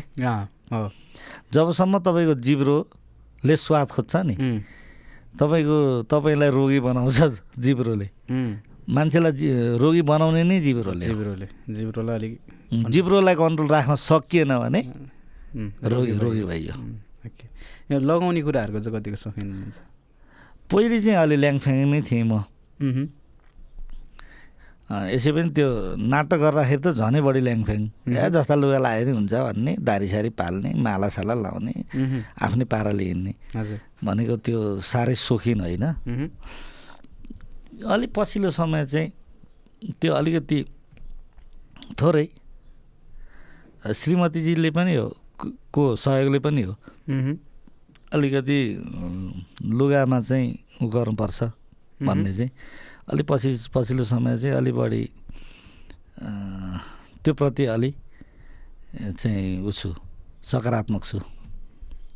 अलिकति ड्रेस कन्सियस ड्रेस कन्सियस छु कि। नभए चाहिँ खासै ड्रेस कन्सियस छैन म। मलाई कस्तो लुगा सुहाउँछ भन्ने कुरो म आफैले थाहा पाउँदिनँ थिएँ। अहिले अहिले पछिल्लो समय चाहिँ श्रीमतीजीलाई सोध्छु कि यो कस्तो लाग्यो? सुहा सुहाएको छ। भनेर। अझ घरबाट निक्दाखेरि पनि सोधेर होइन कहीँ कतै जानु पऱ्यो भनेदेखि कुन लुगा लाउने। उसलाई यसो हेरेर ल यो ठिक छ उसले ठिक छ भनेपछि यो सकिगोनीमा क्या दाइ हजुर त्यो त्यता पनि कुरा जोडिहालौँ होइन खास तपाईँले सिरियल कतिवटा गर्नुभयो सिरियलमा पहिले सकिएको नि भन्दा अगाडि मैले तितो सत्य गरेँ झन्डै डेढ वर्ष जति तर तितो सत्यमा चाहिँ एउटै खालको टाइप क्यारेक्टर गरिनँ। फरक फरक खालको क्यारेक्टर गरेँ। कहिले मन्त्री बने कहिले प्रिन्सिपल बने कहिले नेता बने कहिले माग्ने बने कहिले के बने। होइन?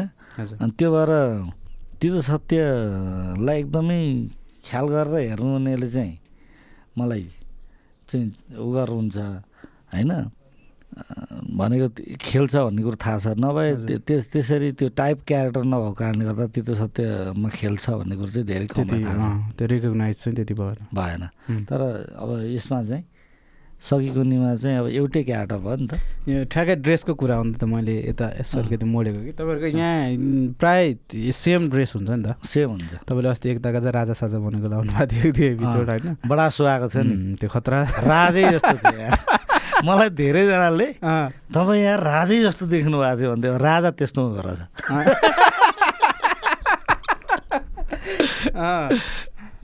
त त्यो कति कतिपय क्यारेक्टरहरू त्यो मेहनत। हुन्छ नि। त्यो तपाईँको त्यो सुटिङमा पनि हेर्दै सोच्दै कति मेहनत गरे होला जस्तो लाग्छ क्या। त्यहाँ पनि त्यो अब त्यो गार्डहरू हेर्नु न होइन? त्यत्रो गार्डहरू लगेर त्यो धेरै छ नि त त्यहाँ त्यो खर्चको हेर्ने खर्च र मेहनत त गर्ने हो हाम्रो सगिगुनीको टिममा जस्तो अब। कहिले खसी नै काटिरहनु भएको हुन्छ तपाईँहरू होइन उहाँहरू त्यो त्यो मामलामा चाहिँ मैले अब धेरै सिरियलहरू अरू अरू पनि भइरहेको देख्छु होइन। त्यसमा चाहिँ कम्प्रोमाइज एकदमै कम कम्प्रोमाइज गर्ने साथीहरूले चाहिँ एउटा एपिसोडमा त हेलिकप्टरै ल्याएको थिएँ। होइन? ओहो हो हो हो। सगिगनीको फर्स्ट एपिसोडमा त हेलिकप्टरै ल्याएको थियो होइन? चाहे जतासुकै पैसोतिर ल्याएको भए पनि स्पोन्सरै खोजेर ल्याएको भए पनि त्यो त्यो एउटा चाहिँ राम्रो कुरा हो कि? जस्तो अब त्यो एउटा कुन एपिसोडमा चाहिँ ऊ गर्नुभएको थियो नि के अरे त्यो पुरै गोठै कुखुरा काटेर? होइन? त्यति। त्यतिसम्म त्यो सेकुवा बनाएको। त्यो कसको बर्थडे हो एकदम। त्यो त्यति त्यो सबै गर्नु भनेको त एउटा त्यो आर्टकै लागि त हो त्यो। एकदमै। होइन? अनि ठ्याक्कै मैले यो कुरालाई काम मर्दै थियो भने यसमा तपाईँहरूको ड्रेसअप चाहिँ. प्रायः सधैँ उही उस्तै। जाडो गर्मी केही भन्न पाइँदैन। उस्तै। टोपी स्वेटर त. जाडोमा पनि त्यही हो गर्मीमा पनि त्यही हो। यो यो क्यारेक्टर छ नि जुन तपाईँको खुपीको भाउ. होइन? अब खुपीको त अहिलेसम्म थाहा छैन हामीलाई। पहिली भद्रगोलमा चाहिँ एक सय बाह्र पन्ध्र सोह्र अठारतिर छ खुपी। खुपी छ। धेरै खुपी केटा हो। केटी हो? केटी हो। छोरी हो कि? छ अनि पछि चाहिँ त्यो बहिनी सम्पर्कविहीन भइन् कता गइन् कता गइन् त्यसपछि उनको क्यारेक्टर छुटेको छुटै खुपी हो र नि बाउ मात्रै भयो कि। अनि यो खुपीको यो खुपीको बाउवाला क्यारेक्टर यो कसले बनाएको यो? यो खास चाहिँ कुमारजीको एकजना आफन्त हुनुहुँदो रहेछ काका कि बडाबाको? हाम्रो कुमार कटेल। जिगिरीको हजुर। गाउँमा। अनि खुपीका बा भन्ने नै हुनुहुँदो रहेछ कि? ए अँ। मैले उहाँहरूको पुरानो गएको बेला फोटो खिचेर पनि ल्याएको थिएँ। तर कता गयो त्यो फोटो थाहा छैन। अनि उहाँलाई चाहिँ गाउँमा सबैले खुपीका बाबु नै भनेर चिन्दा रहेछन्। अनि उहाँहरूले ठ्याक्कै लेख्दाखेरि त्यही क्यारेक्टरलाई सम्झेर लेख्नुभएको। मिल्न चाहिँ मसँग मिल्दैछ। तपाईँसँग. अब ठ्याक्कै अब दाइ भर्खरकै हुनुहुन्छ होइन। यो खुपीका बा क्यारेक्टर त अलि बुढो बुढो। अब आजभन्दा तिन चार वर्ष अगाडि नै यो सकेको नि। भद्रकोलकै टाइममा हो। भद्रगोलकै टाइम भद्रकोलकै टाइममा लाइक तपाईँहरूलाई त कति बुढो क्यारेक्टर हो भन्ने। रूपमा हेरिन्थ्यो नि त होइन। अब तपाईँ हिसाब गर्नु न अहिले म पैँतालिस वर्ष पुगेँ। आठ नौ दस वर्षै भयो होला सम्भवतः। पैँतिस। पैँतिस वर्षदेखि नै साठी वर्षको उमेरको क्यारेक्टर क्यारेक्टर गरिरहेको होइन। फेरि त्यो स्वाई पनि रहेछ क्या? अँ? स्वागत छ अन्त। त्यो जस्तो ओहो कस्तो बनाएको भन्ने जस्तो छैन नि। छैन छैन। होइन। जस्तो रियल क्यारेक्टर चाहिँ मलाई कहाँबाट धेरैले धेरैले अहिले पनि यो त्यो फुलेकै त्यस्तै बुढो नै छ भन्ने सोच्नुहुन्छ त्यो एउटा जीवन्त छ क्या. क्यारेक्टर है जस्तो त्यो अभिनय त फरक पाटो भयो। त्यो एउटा जुन देखिने एउटा पर्सनालिटी त्यो एउटा. लुक्स त्यो हिँडाइ बोलाइ। त्यो फेरि एउटा गीत गीत छ नि। चिउरीको चिल्लो पात। त्यो अलिकति गाइदेऊ नि चिउरीको चिल्लो पात सिरानी लाउन देऊ बहिनीको दाहिने हात आकाशैमा चिल घुम्यो फाना बहिनी तिम्रो। घर कहाँ हो भन चिउरीको चिल्लो पात। सिरानी लाउन देऊ बहिनीको दाहिने हात। यही हो। यो गीत कहिले गाउनु भएको भएन कुनै समय? होइन गीत खासै त्यस्तो गीत गाउने मान्छे होइन म तर अब त्यो क्यारेक्टर एउटा यसरी गीत गाउने क्यारेक्टर बनाऊ न। भन्ने भएपछि कुन गीत गाउने भन्ने कुरा भयो अनि म गाउँमा हुँदाखेरि सुनिरहेको गीत क्या यो चाहिँ। यो चाहिँ शम्भु राई दाईले गाउनुभएको गीत हो पूर्वेली गीत। अनि ल यो गीत गाउँछु नि त भनेको हुन्छ यो किन हो है अब यो हजुरले नै गाइरा भएर हो कि होइन। यो गीतै हजुरको जस्तो लाग्छ कि धेरैलाई? धेरैलाई त्यस्तो लाग्छ। अस्ति मैले शम्भु राई दाईलाई चाहिँ दाजु तपाईँको गीत गाउँछु नि म सिरियलमा. भनेको हो ल मलाई त्यसो रोयल्टी चाहियो। भन्दै हुन्थ्यो हुन्थ्यो होइन? तर जे होस् एकदमै मिठो पूर्वेली गीत छ। अनि अ, शम्भु राई दाईले चाहिँ पहिले रेडियो नेपालमा गाउनुभएको गीत। अब युट्युबतिर पनि भेटिन्छ अहिले भेटिन त। यो त्यो गीतको फ्युजन त्यो क्यारेक्टर त्यो सबै कुराले चाहिँ एउटा चिन्ने क्यारेक्टर डेभलप अँ एकदमै। भएको छ क्या? एकदमै। घर घरको भान्सा भान्सा कोठा कोठामा। पु- पुगेको चरित्र हो। जस्तो अब अहिले मैले घरमा यसो मम्मीहरूलाई भन्यो भने पनि। कमल दाई भन्नुभयो को कमल दाई भन्नुहुन्छ क्या। खुबी बाउ आएको थियो भने। हो सत्य कुरा। सबले चिन्छन् क्या। सत्य कुरा हो। हो त्यो कुरालाई हामीले एक्सेप्ट पनि गर्नुपर्छ। होइन मैले गरिरहेको छु। तर मलाई मेरो लोभ चाहिँ अझै पनि के छ भने जस्तो मलाई खुपीका बाउको रूपमा मात्र नचिनिदिएर कमलमणि अनि कमलमणिले गरेका अन्य चरित्रका रूपमा पनि चिनि चिनिदिनु भयो भने चाहिँ मजा हुन्छ भन्ने लाग्छ क्या। म कहिलेकाहीँ म भन्ने गर्छु कि जस्तो। म कमलमणि हो। अनि कमलमणि नै खुपेका बाउ हो। कमलमणि नै बिकेको बाउ पनि हो। कमलमणि नै भीष्म डन हो। कमलमणि नै यो हो। कमलमणि त्यो हो। यसरी चिनिदिँदाखेरि चाहिँ अझ बेस्ट अझ मजा आउँदो रहेछ क्या। सधैँ त्यो एउटा चाहिँ सिरियलको क्या क्यारेक्टरले जितेको पात्र भएर चिनिनुभन्दा जस्तो खोपीका बाबुले बिकेको बाबुको रोल गरेको छ उम्, भन्नुभन्दा त कमलमणिले अनि- बिकेको बाबुको रोल गरेको छ मजा हो नि त त्यो चाहिँ लाग्छ अनि त्यो भएर पनि चलचित्रमा अलिक फरक फरक क्यारेक्टर जस्तो खुपीका बाबु भन्दा अलिक फरक गर्न पा पाएँ गर्न सकेँ भने।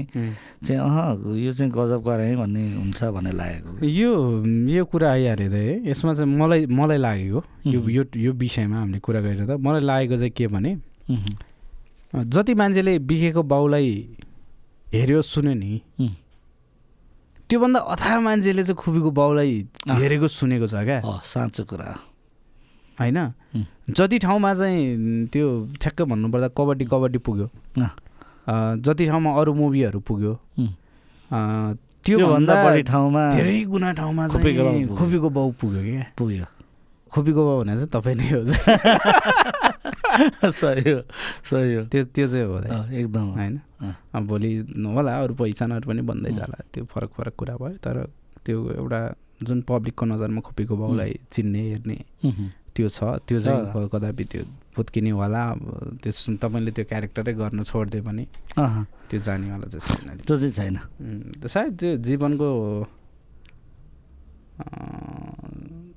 पैसा त कति कमाउनु भयो खोपीको बाउबाट थाहा छैन होइन? मान्छे मान्छे चाहिँ मान्छे चाहिँ तपाईँले मान्छे बाउबाट- कमाए जति पैसा पनि कमाउनु पाएको भए चाहिँ अझ बेस्ट हुन्थ्यो। तर मान्छे पनि तपाईँले जति मान्छे कमाउनु भएको छ नि म्याक्सिमम् मान्छे खोपीको बाउबाटै हो। अँ, साँचो कुरा हो। त्यो चाहिँ अने अनेस्ट त्यसमा त्यसमा त म विमति राख्दै राख्दिनँ। त्यो। किनभने यो कुरामा त म एकदमै सहमत हो। तर मैले मैले भन्न खोजेको कुरा के हो भने त्यो छ एउटा ठाउँमा एकदमै छ।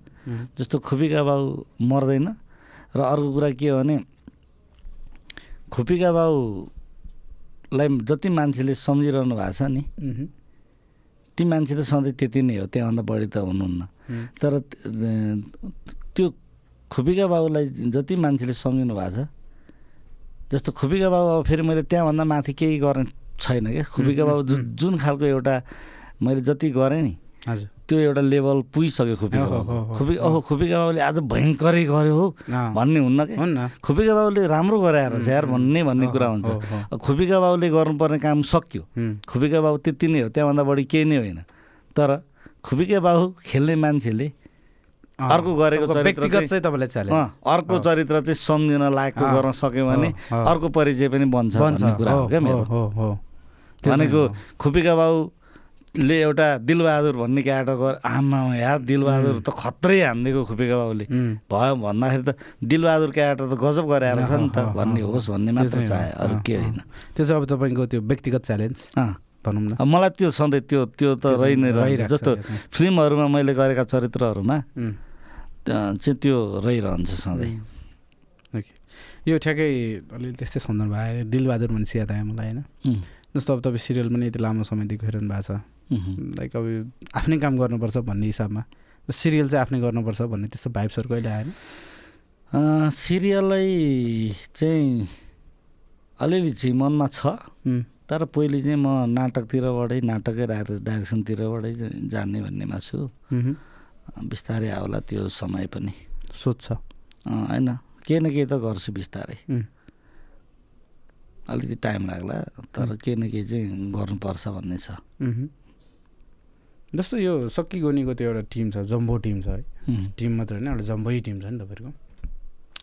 त्यो त्यहाँभित्रको त्यो एउटा ओरिजिनल इन्भाइरोमेन्ट चाहिँ कस्तो छ? त्यो त गजब छ। जस्तो हामीले पहिले भद्रगोल गरिरहँदा भद्रगोलमा केही विमतिहरू भएर जसरी चाहिँ हामीले फेरि टिम भद्रगोल नाम छोडेर। सकिगोनी बनाउँदाखेरि जसरी हामी सबै सर्लक्क आयौँ नि त्यो टिमभित्रको मेजोरिटी टिमभित्रको माया स्नेहले नै हो कि। भनेको यस टिममा यो ठुलो त्यो सानो भन्ने छैन। भले त्यहाँ सबैको आफ्आफ्नो खालको भूमिका छन्। Direct director. टिमको डाइरेक्टर टिम लेख्नेहरूको लेख्ने भूमिका त छ। तर त्यहाँभित्रको भाइब्स गजब छ। मलाई सबैजनाले मान्नुहुन्छ सम्मान गर्नुहुन्छ। म अब त्यो टिममध्येको सिनियर पनि हुँ। हजुर। होइन? अझ मभन्दा सिनियर एकजना दाई हुनुहुन्छ पुरुषोत्तम आचार्य भन्ने दाई कहिलेकाहीँ इन्सपेक्टरको रोल गर्नुहुन्छ नि। उहाँ। हो। तर त्यसपछि चाहिँ सम्भवतः मै हुँ अब फाटाफुट्टा अरू बेला आउने कलाकारहरू पनि सिनियर त आउनु त नआउनु भने होइन तर। टिममा सधैँ रेगुलरको चाहिँ। रेगुलरको हिसाबमा चाहिँ सम्भवतः मै नै होला त्यो पुरुषोत्तम दाई बाहेक। होइन? अनि त्यो भएर सबैजनाले चाहिँ माया गर्नुहुन्छ अब सम्मान पनि गर्नुहुन्छ। म पनि। त्यत्तिकै सम्मान गर्छु। सम्मान भन्ने कुरा लिने मात्र होइन नि त दिने कुरा। पनि हो त्यो। त्यो भएर मैले सम्मान गरिनँ भने उहाँहरूले मलाई किन सम्मान गर्ने। त्यही हो। अब दाइको केही फोटोहरू हेरौँ है केही फोटोहरू मैले राखेको छु। यो फोटोको कुरा गर्नुभन्दा पहिला चाहिँ यो दाई र तपाईँको दारीसँगको सम्बन्ध चाहिँ के हो? होइन यो यस्तो रहेछ खास। एउटा समयमा चाहिँ एउटा समयमा चाहिँ गुरुकुलमा जतिखेर नाटक गर्थेँ त्यतिखेर हामी खासै दारी काट्दैनथ्यौँ त्यत्तिकै छोडिदिन्थ्यौँ। किन छोड्थ्यौँ भने सबैले? प्रायः धेरैले दारी तपाईँ हेर न रङ्गमञ्चतिर जानुहोस्। प्रायः दारी पालेका चाहिँ हो। त्यो कारण के हो भने दारी लाएर अभिनय गर्नलाई अप्ठ्यारो हुन्छ क्या दारी जुङ्गा टाँसेर खेल्नलाई। किनभने त्यो छपक्क समात्छ नि त त्यो गमले। होइन? अनि थिएटरमा चाहिँ कहिलेकाहीँ कुनै पनि भूमिका कुनै पनि बेला कस्तो भूमिका गर्ने भन्ने कुरा चाहिँ के हुन्छ टुङ्गो भन्न के? उम्, अनि दारी पालिरह्यो भने चाहिँ आफ्नो पाराको क्यारेक्टर बनाउन पाइयो नि त। उम्, हो। कहिलेकाहीँ जुङ्गा मात्र राख्न पाइयो कहिले कहिले यति मात्र जस्तो मुस्लिमको गर्नु पऱ्यो भने यति जुङ्गा काटिदिएर यति मात्र राख्न पाइयो। होइन? दारी भएपछि चाहिँ आफ्नो क्यारेक्टरलाई आफ्नो पाराले चाहिँ बनाउन पाइयो कि। दारी टाँस्नुभन्दा त नटाँसिकन गरेको राम्रो नि त त्यो भएर दा दारी पाल्ने खालको चलन थियो कि। अनि यदि काट्नु पऱ्यो भने त एकछिनमा काटिहालिन्छ ठुलो कुरै छैन। अनि त्यो भएर पनि दारी पाल्ने गरेको। अब पछिल्लो समय त यसै पनि सिरियलमा दारी चाहिन्छ मलाई। अनि त्यो सिरियलमा दारी चाहिने हुनाले दारी राखेको राखे गरियो। अब अहिले पछिल्लो समय सिरियल नहुँदाखेरि पनि किन दारी राखिन्छ? भने मलाई मलाई चिन्ने नै दारी भएर दारी काट्ने कसैले चिन्दैन। दारी काटेर हिँड्यो भने कसैले सोधेछ भने त ल कुरै छोडिदिनु। हो र? अँ चिन्दै चिन्दैनन्। तपाईँ त्यहाँ जस्तो त्यहाँ फोटो के राख्नु भएको छ? तिनै फोटोहरू हेर्नु न दारी दारी दारी पाल्दाको दारी। नपाल्दाको त।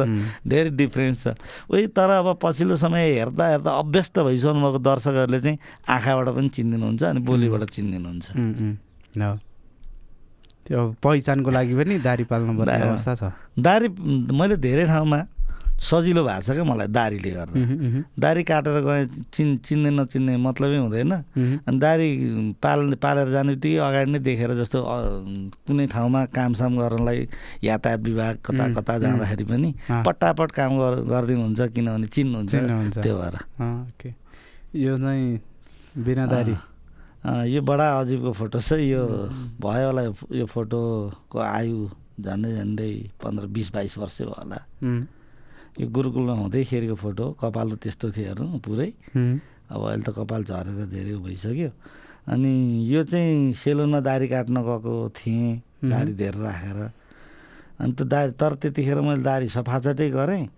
अनि फरक फरक कस्तो देखिँदो रहेछ जुङ्गा पाल्दा दारी मात्र राख्दा भनेर चाहिँ त्यतिखेर ट्राई गरेको हो कि। ओके। यो चाहिँ एउटा नाटक थियो डिजायर अन्डर द एल्म भन्ने एल्ममुनिको तिर्खा भन्ने। यो चाहिँ डेबोरा मेरोला भन्ने डाइरेक्टरले गर्नुभएको युएसमा युएसको उहाँ चाहिँ।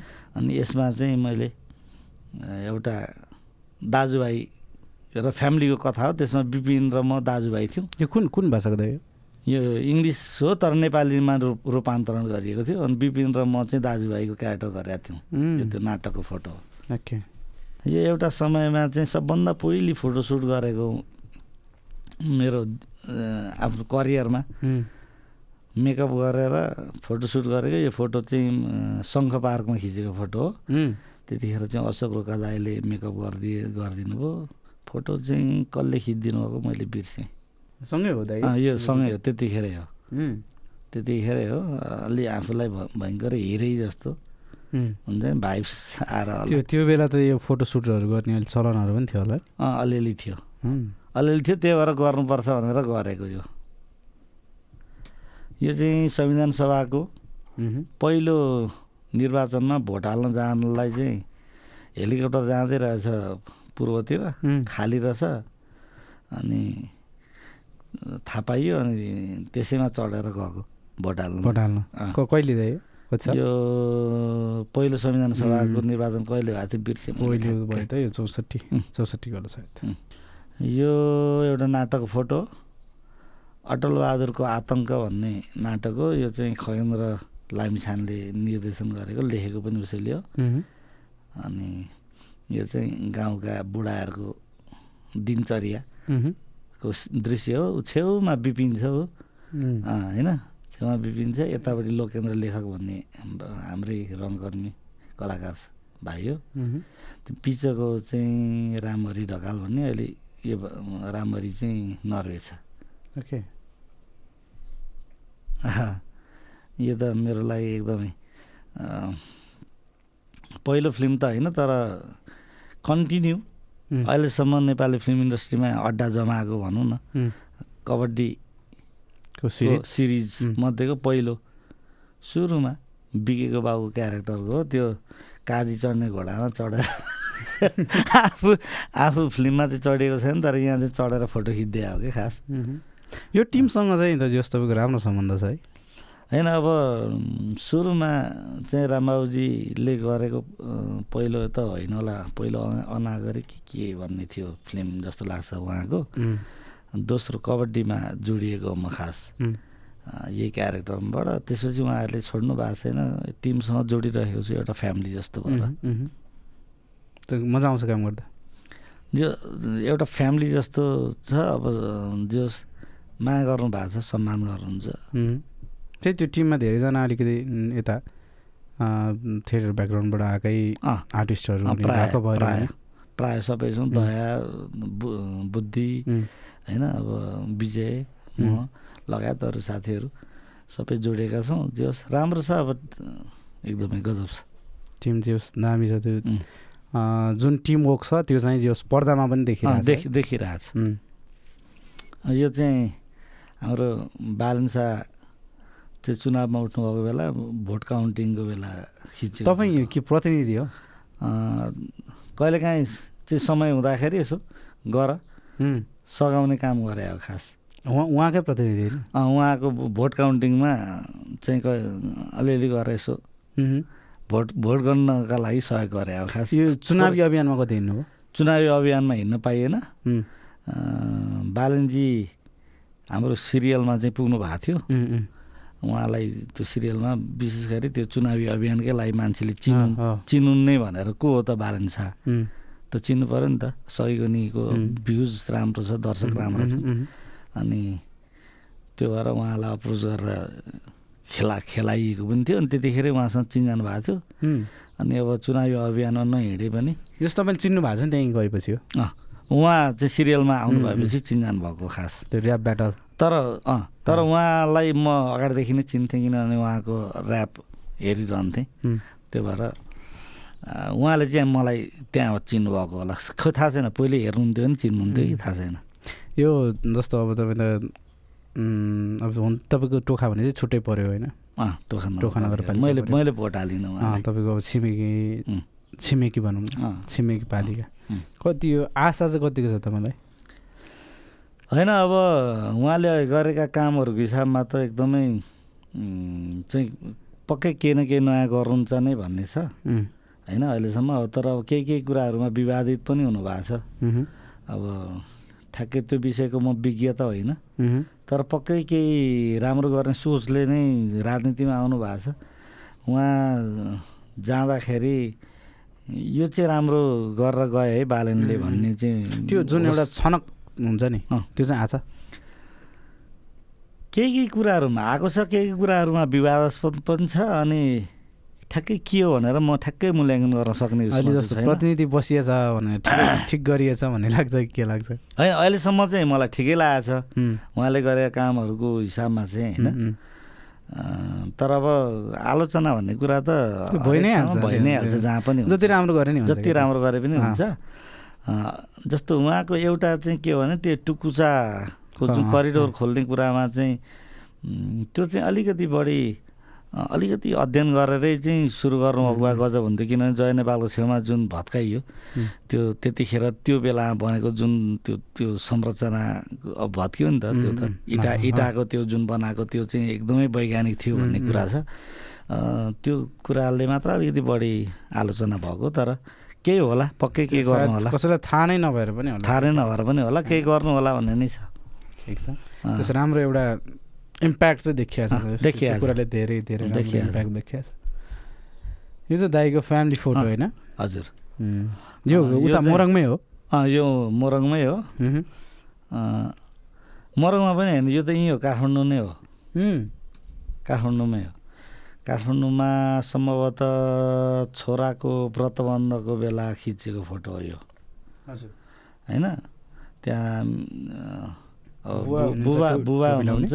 बुबा आमा अनि त्यसपछि म अनि भा यतापट्टिको कान्छो भाइ र कान्छी बुहारी अनि यतापट्टि चाहिँ माइलो भाइ र माइलो बुहारी अनि उसका उसको छोरी अनि मेरो छोरा र छोरी। यो त यस तपाईँहरूको कम्प्लिट फ्यामिली। कम्प्लिट फ्यामिली यसमा अरू दुईवटा थपिएका छन् अहिले। Updated okay. दाईको जिन्दगीलाई रिप्रेजेन्ट गर्ने। हजुर। धेरै फोटोहरू पनि हामीले हेऱ्यौँ। अनि एउटा एउटा कुरा ठ्याक्कै मलाई लाग्यो कि जस्तो धेरैजनाको फोटोहरू पाउन कति गाह्रो हुन्छ। हजुर। तर दाई चाहिँ त्यो सामाजिक सञ्जालहरूमा त्यो कुराहरूलाई कति इजिली तपाईँले अपडेट गराउनु आउँदो रहेछ कि? मैले चाहिँ अब यस्तो छ क्या खास के छ भने मोबाइलमै राखिरह्यो भने मोबाइलको पुरै फुल हुने मेमोरी फुल हुने होइन?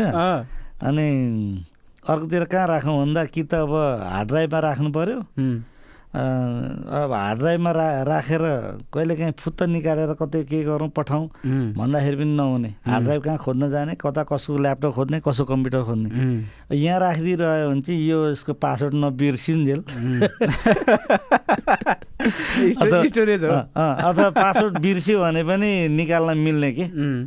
जस्तो तपाईँले निकाल्नु भयो नि त। होइन अनि त्यो भएर अनि म के गर्छु अहिले पछिल्लो समय भने कुनै त्यस्ता महत्त्वपूर्ण फोटाहरू छन् भने सामाजिक सञ्जालमा अपलोड गर्ने हाल्ने अनि मोबाइल चाहिँ खाली गराउने। यता स्टोरेज पनि बच्यो। अँ। अन्त जहाँ चाहिन्छ त्यहीँ झिक्न पनि मिल्यो। खत्रै आइडिया हो यो त। हो नि। मैले पहिले एउटा केही फोटाहरू मैले उसमा राखेँ तर त्यसको चाहिँ ऊ बिर्सेँ। फ्लिकर के भन्ने थियो एउटा? त्यो फोटो राख्ने नै ऊ थियो फ्लिकर। सम्भवतः फ्लिकर नै हो। तर पछि त्यसको पासवर्ड बिर्सेँ त्यो धेरै फोटाहरू त्यो फ्लिकरमा छन् तर भेटिनँ। भेटिन। मलाई दामी लाग्यो त तपाईँको आइडिया गजब। हो नि। हो के? होइन? सेलेक्टेड फोटोहरू। ट्याक्क चाहिँ अपलोड गरिदिने राखिदिने बरु बरु प्राइभेटमा राखिदिने। एल्बम बनाएर त्यो पनि भयो। आफूलाई कसैलाई देखाउनु छैन भने प्राइभेटमा राखिदिने। पाइयो। दामी गजब आइडिया हो यो त। अँ, ओके। अब धेरै लामो कुरा पनि भयो तर धेरै मेजर कुरा पनि भयो। विशेष गरी दाईसँग चाहिँ तिनवटा तिनवटा क्षेत्रको मजाले कुरा गर्न पाइयो। रङ्गमञ्चको पनि पाइयो यता ठुलो पर्दाको पाइयो सिरियलको पाइयो। दाईको यति लामो पच्चिस वर्षको जुन एक्सपिरियन्स छ त्यो विषयमा झन् अझै बि- मजाले गफ गर्न पाइयो। यो सबै हामीले गफ गरिरह्यौँ होइन। लाइक अन्तिममा एउटा एउटा प्रश्न चाहिँ मे मेरो बिहाफमा हिजो तपाईँ जुन पच्चिस वर्ष अगाडि काम गरेको यो क्षेत्र छ नि त त्यो क्षेत्र र आजमा चाहिँ के फरक छ होइन। अनि लाइक अब नभएको कुरा के चाहिँ आज हुनु पर्थ्यो जस्तो पच्चिस वर्ष अगाडि मैले काम गर्दाखेरि नेपाली रङ्गमञ्चमा अथवा नेपाली रङ्गमञ्चमै भनौँ न एक खालको व्यावसायिकता थिएन। व्यवसायीकरण हुन सकेको थिएन क्या नेपाली रङ्गमञ्च एकदमै त्यो सरकारी हिसाबले पनि उपेक्षा गरिएको। थियो कि? अहिले अहिले पछिल्लो समय त सङ्गीत नाटक एकाडेमी भनेर छुट्टै एकाडेमीबाट छुट्टै चाहिँ संस्था छ। तर त्यतिखेर त थिएन।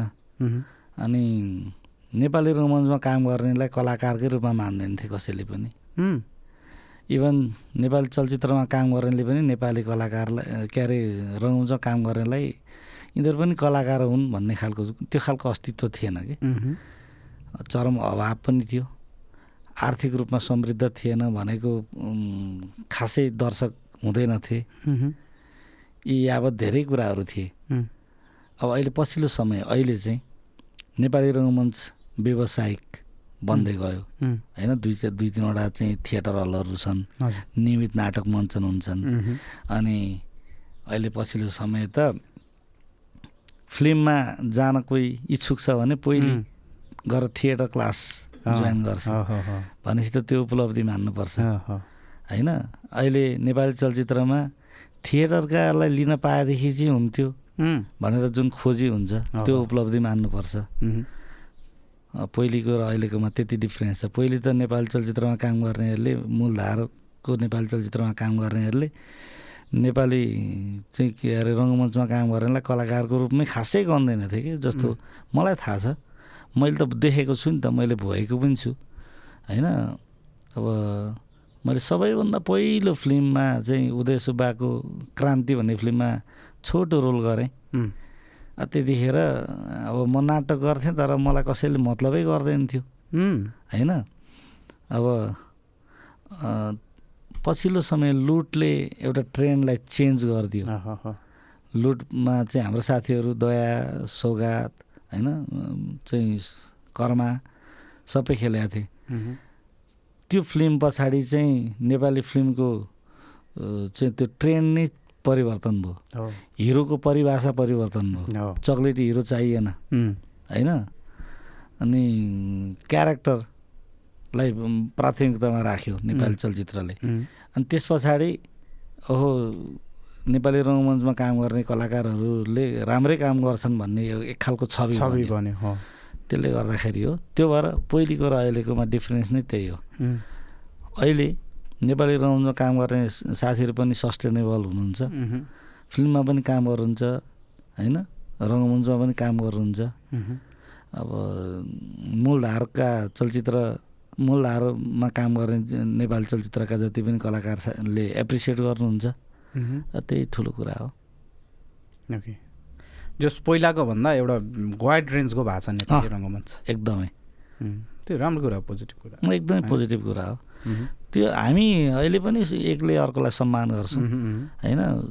सबैले सबैलाई सम्मान गर्नुपर्छ किनभने रङ्गमञ्च फिल्म सिरियल आखिर एउटै कुरा हो विधा विधाको हिसाबमा. अभिनय नै हो तिनटैमा गर्ने। हजुर। होइन? त्यो भएर एकले अर्कोलाई सम्मान गर्यो भने सधैँ त्यो सम्मान भाव रहिरहन्छ। Okay. So thank you so much दाई। यो महत्त्वपूर्ण समय दिनुभयो होइन? अझ यति लामो समय दिनुभयो you, यार। सबभन्दा पहिला त अब आइदिनु भयो त्यसमै हामी कृतज्ञता व्यक्त गर्छौँ उम्. अर्को कुरा यो यति धेरै अनि महत्त्वपूर्ण कुराहरू चाहिँ तपाईँले माई जर्नीमा आएर साडिदिनु भयो उम्. त्यसको लागि थ्याङ्क यू सो मच अनि तपाईँको यो माई जर्नीको एक्सपिरियन्स चाहिँ कस्तो रह्यो थ्याङ्क यू भाइ एकदमै मलाई एकदमै खुसी लागेको छ होइन उम्. भाइको यो अ, चाहिँ गजबको छ किनभने जस्तो यहाँ नाटकीयता छैन नि त। हामी जसरी कुरा गर्दैछौँ फेक कुरा गरिरहेका अँ। आफ्नो जीवनका कुरा गर्दैछौँ। मनको कुरा गर्दैछौँ। मनको कुरा गर्दैछौँ। आफ्नो जीवनमा गरेका यात्राको कुरा गर्दैछौँ। आफ्नो दुःखको कुरा गर्दैछौँ सङ्घर्षका कुरा गर्दैछौँ प्रेमका कुरा गर्छौँ? परिवारको कुरा परिवारका कुरा गर्छौँ साथीभाइका कुरा गर्छौँ। अहिलेको जनजीवनको कुरा गर्छौँ। राजनीतिक परिवेशको कुरा गर्छौँ। यति धेरै कुरा गर्ने सो मैले कमै मात्रामा भेटेको छु। किनभने यति धेरै समयमा यति धेरै इन्टरभ्यू पनि गरिसकेँ होला सम्भवतः। यति धेरै विषयमा कुरा भएको सो चाहिँ यो माई जर्नी नै हो भाइको सो होइन। अनि यहाँ आएर मैले मेरो आफ्नो करियरमा मैले आफूले गरेका कुराहरू अनि आफूलाई मनमा लागेका कुरा दुःख लागेका कुरा सुख लागेका कुरा जे जति पनि गरेँ अनि त्यो चाहिँ एकदम मनबाटै गरेँ कि। अनि फेरि कसैप्रति आक्षेप पनि लागेको छैन। सजेस्ट मात्र हो।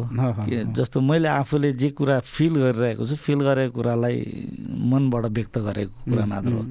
मैले जे भने त्यही नै हुनुपर्छ भन्ने छैन तर। यदि कसैलाई त्यो मेरो कुराबाट चाहिँ होइन पिर परेको छ अथवा मा आफूलाई परेको छ भने त्यो कुरालाई विचार गरे मात्र पनि पुग्छ। त्यति कुरा यति कुरा गर्ने सो आजसम्म भेटेको छैन। मलाई मजा लाग्यो। यति कुरा भन्ने अवसर दिएकोमा पनि एकदमै thanks thank you so much thank you